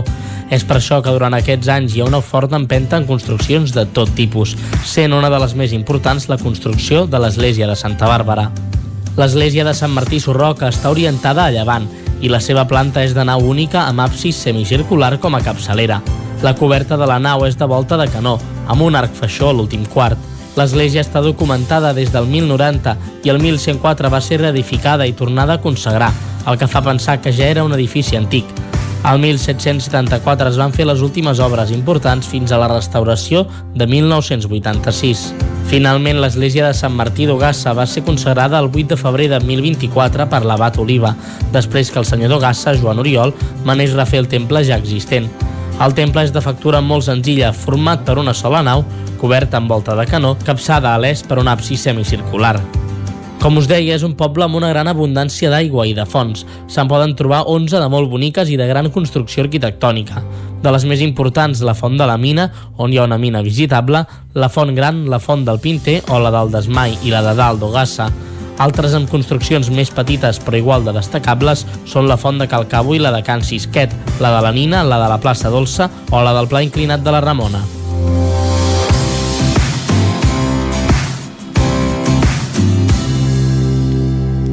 Territori 17. I després de conèixer les bondats d'Ocassa, el que toca ara és anar a la R3, a Trenc d'Alba. A Tren d'Alba, cada dia els usuaris de la línia R3 de Rodalies que veuen sortir el sol des d'un vagó ens expliquen les gràcies i les penes del primer comboi que uneix Ripoll i Barcelona.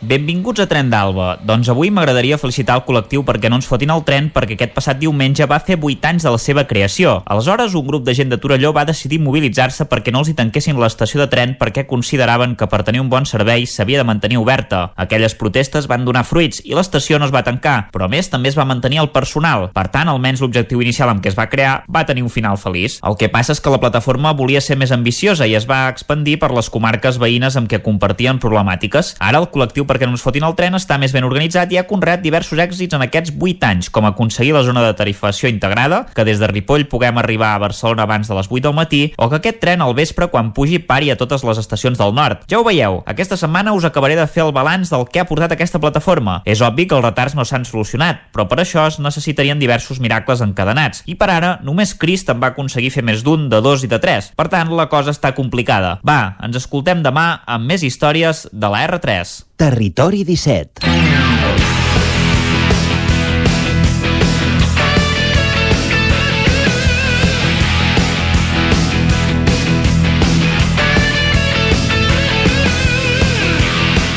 Doncs l'Isaac Muntades no l'escoltarem demà, sinó que l'escoltarem ara mateix amb més històries del Real Madrid.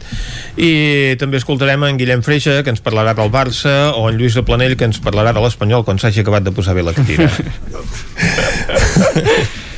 problemes tècnics o mecànics exacte, sí senyor bé, eh, en tot cas eh, el cap de setmana queda marcat per una xifra 555 milions d'euros això no és el número de la grossa de Nadal, eh? No, el, el premi de la no grossa. és el premi de la grossa, però vaja, si algú li toca aquesta grossa, Sí. doncs en té per estar content. I això només en 4 anys, compte.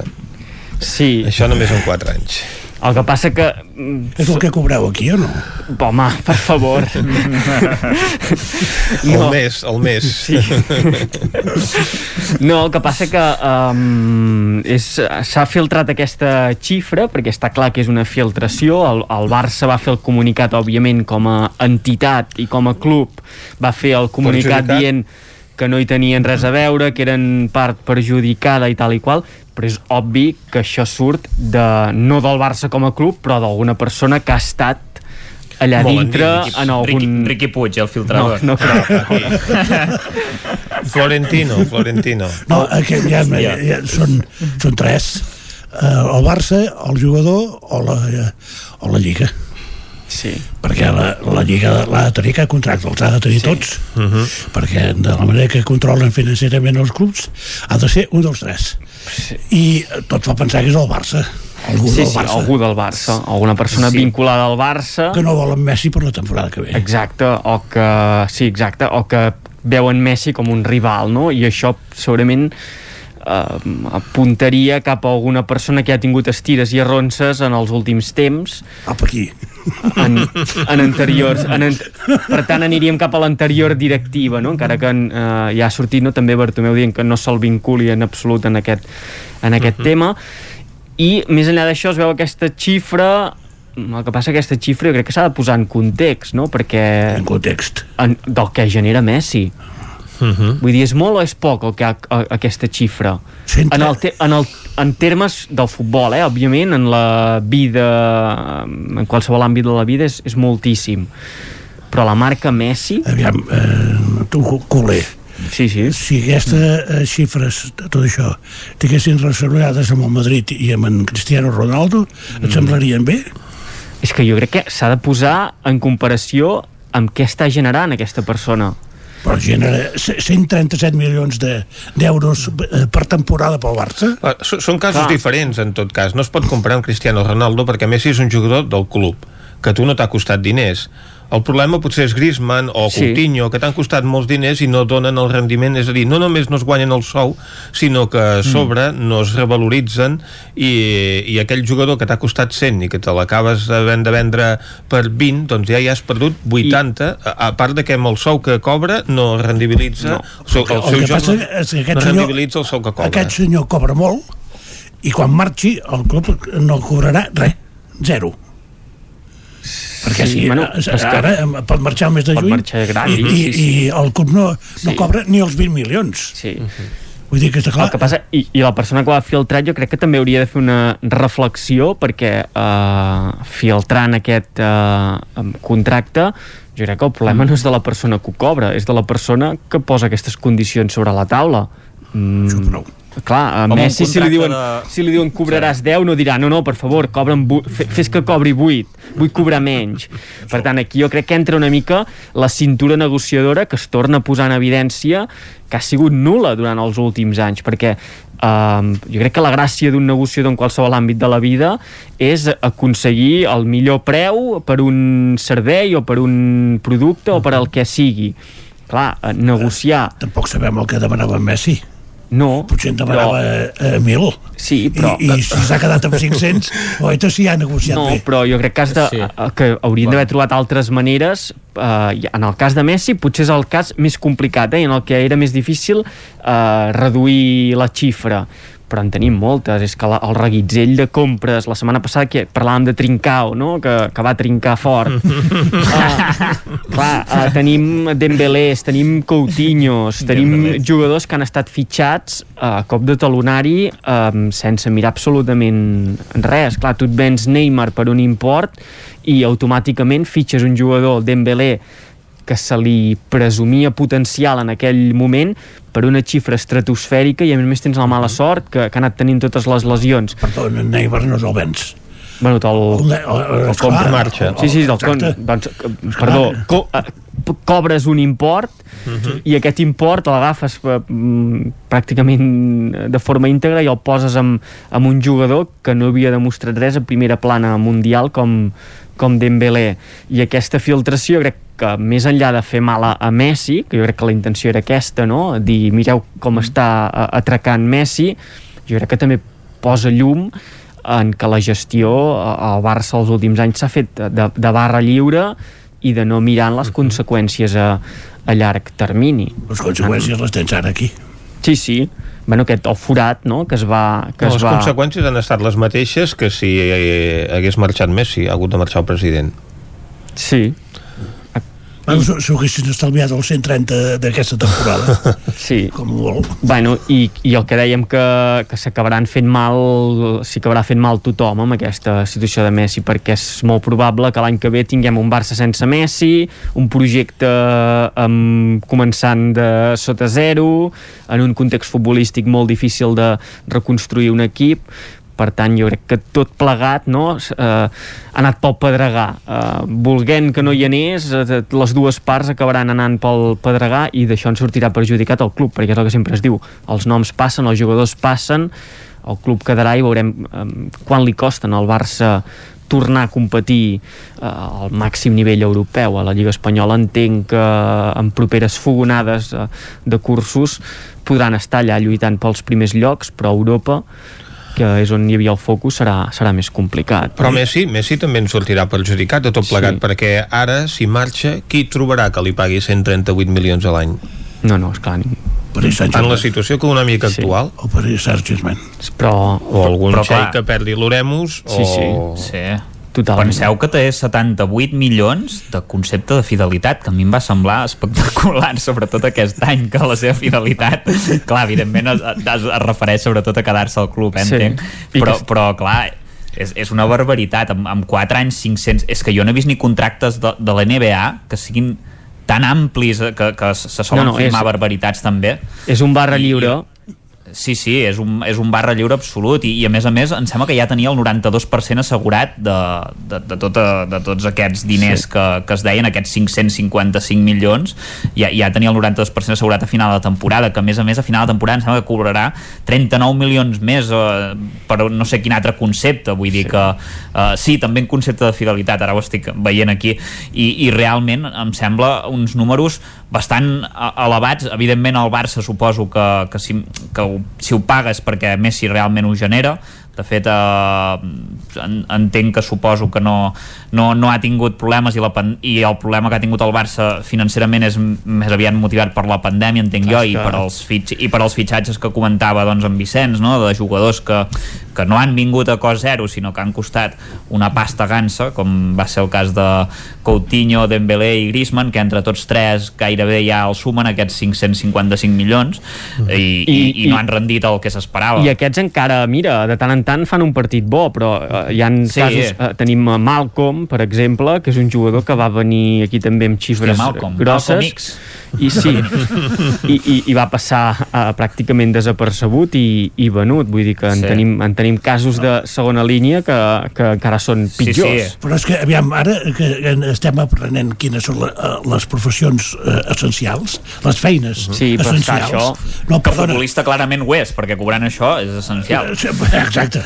Bé, tan essencial com que estan treballant a diferència d'altres sectors. Sí, eh, entre, cometes, aquest Sí, sí, però- essencial. De totes maneres, el, Sí. sí. el que jo vull dir és que inclús, suposo que hi ha alguna assegurança, però si Messi es trenca coll i barres, es trenca els creuats i ha d'estar mig any eh, sense jugar, eh, deu, deu cobrar igual, eh, perquè la fidelitat no la perd. Sí, sí, no, segur. És que el, el, que el contracte en, en xifres eh, impacta, vull dir, això és una evidència que impacta molt.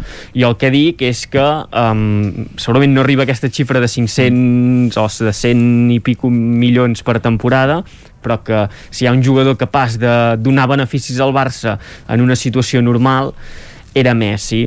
I el 2017 eh, suposo que van creure oportú oferir-li un contracte eh, llaminer que les, li assegurés l'últim tram de la seva carrera, el que passa que es van passar de frenada Perquè, a més, tinc entès, tinc entès que sí, si ell vol, si ell vol es queda i amb les mateixes condicions.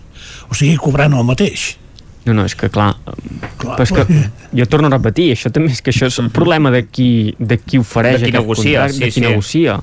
Vull dir, tu has de, de saber uh, Clar. fins on pots Bartomeu, per arribar. cert, eh?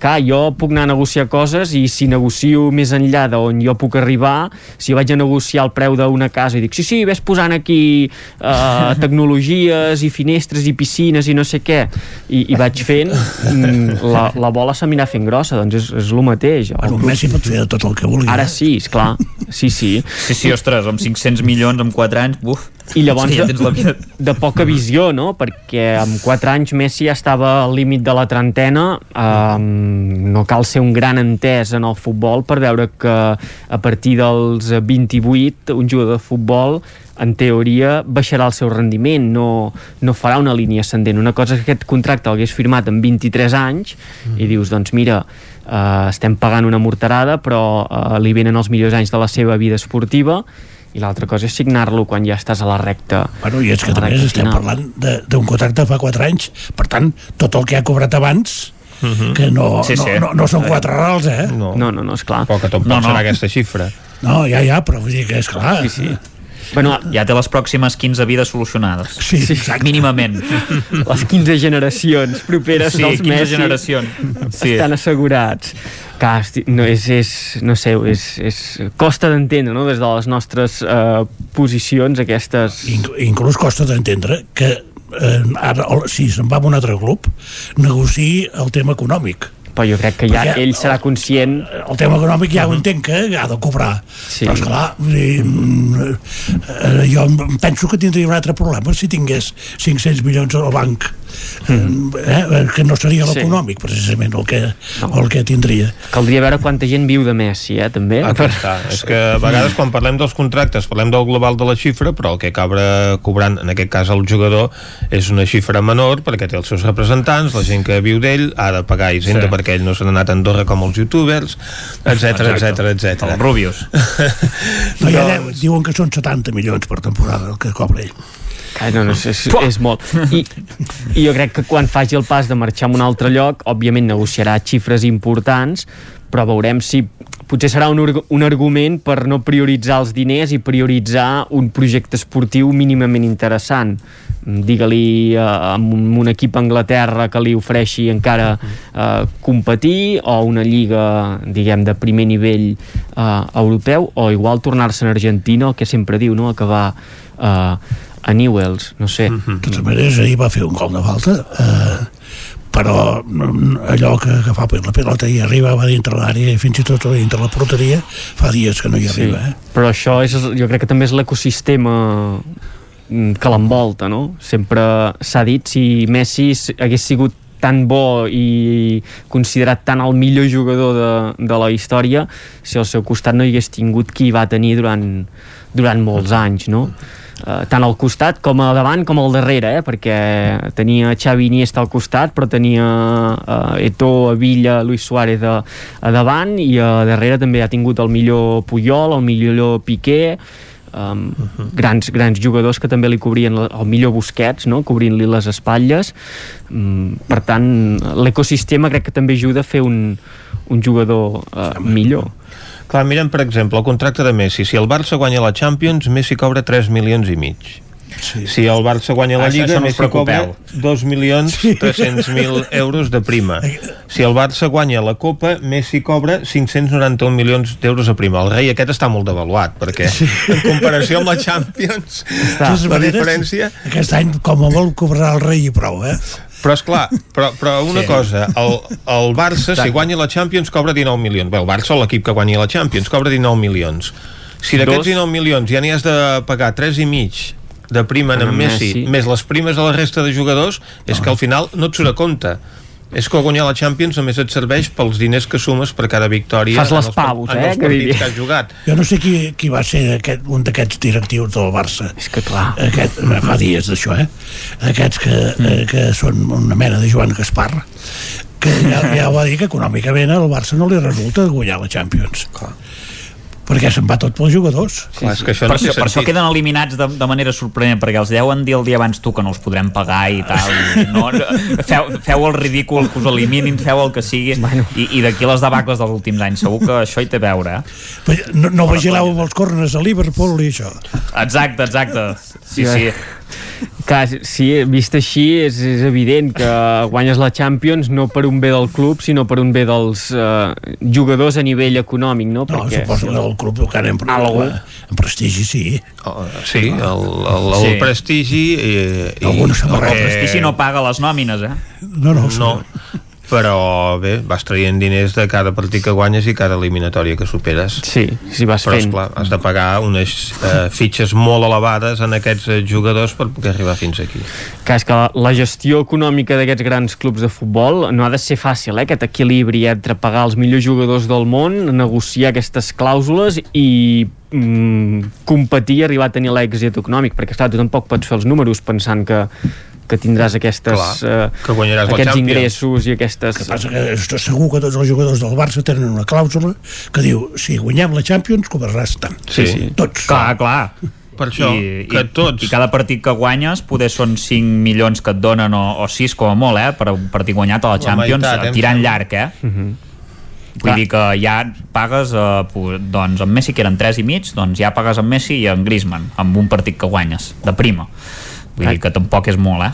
I el club eh, també deu tenir alguna cosa, però els jugadors llavors també tenen els seus, les seves eh, representacions comercials, drets d'imatge, per tant que també s'afegeix a, a tot això. Evidentment, si guanyes la Champions vens més samarretes i ingresses més Mm. doncs, del teu patrocinador de material. Jo, el, el ja ho sé que, que potser us semblarà demagògia, però amb les situacions que, que estem vivint encara queda més clar. Això hauria d'estar prohibit que una feina que serveix per distracció del personal, sí. que no és essencial, mm. la gent cobri el, tants diners sí. com, com estan cobrant aquests jugadors de futbol, perquè això no es veu ni a la NBA. Eh? No, no, i a l'NBA sí, sí. segurament ho tenen molt més pamat que el que paguen és el que generen. Vull dir que juguen Clar. amb uns números que surten del sí, que sí. arriba de la tele, de les... Uh, És un de negoci, és una empresa. Exacte. Vull dir, segur que, tenen els números ben quadrats. Aquí segurament la bola s'ha anat fent grossa, grossa, grossa, grossa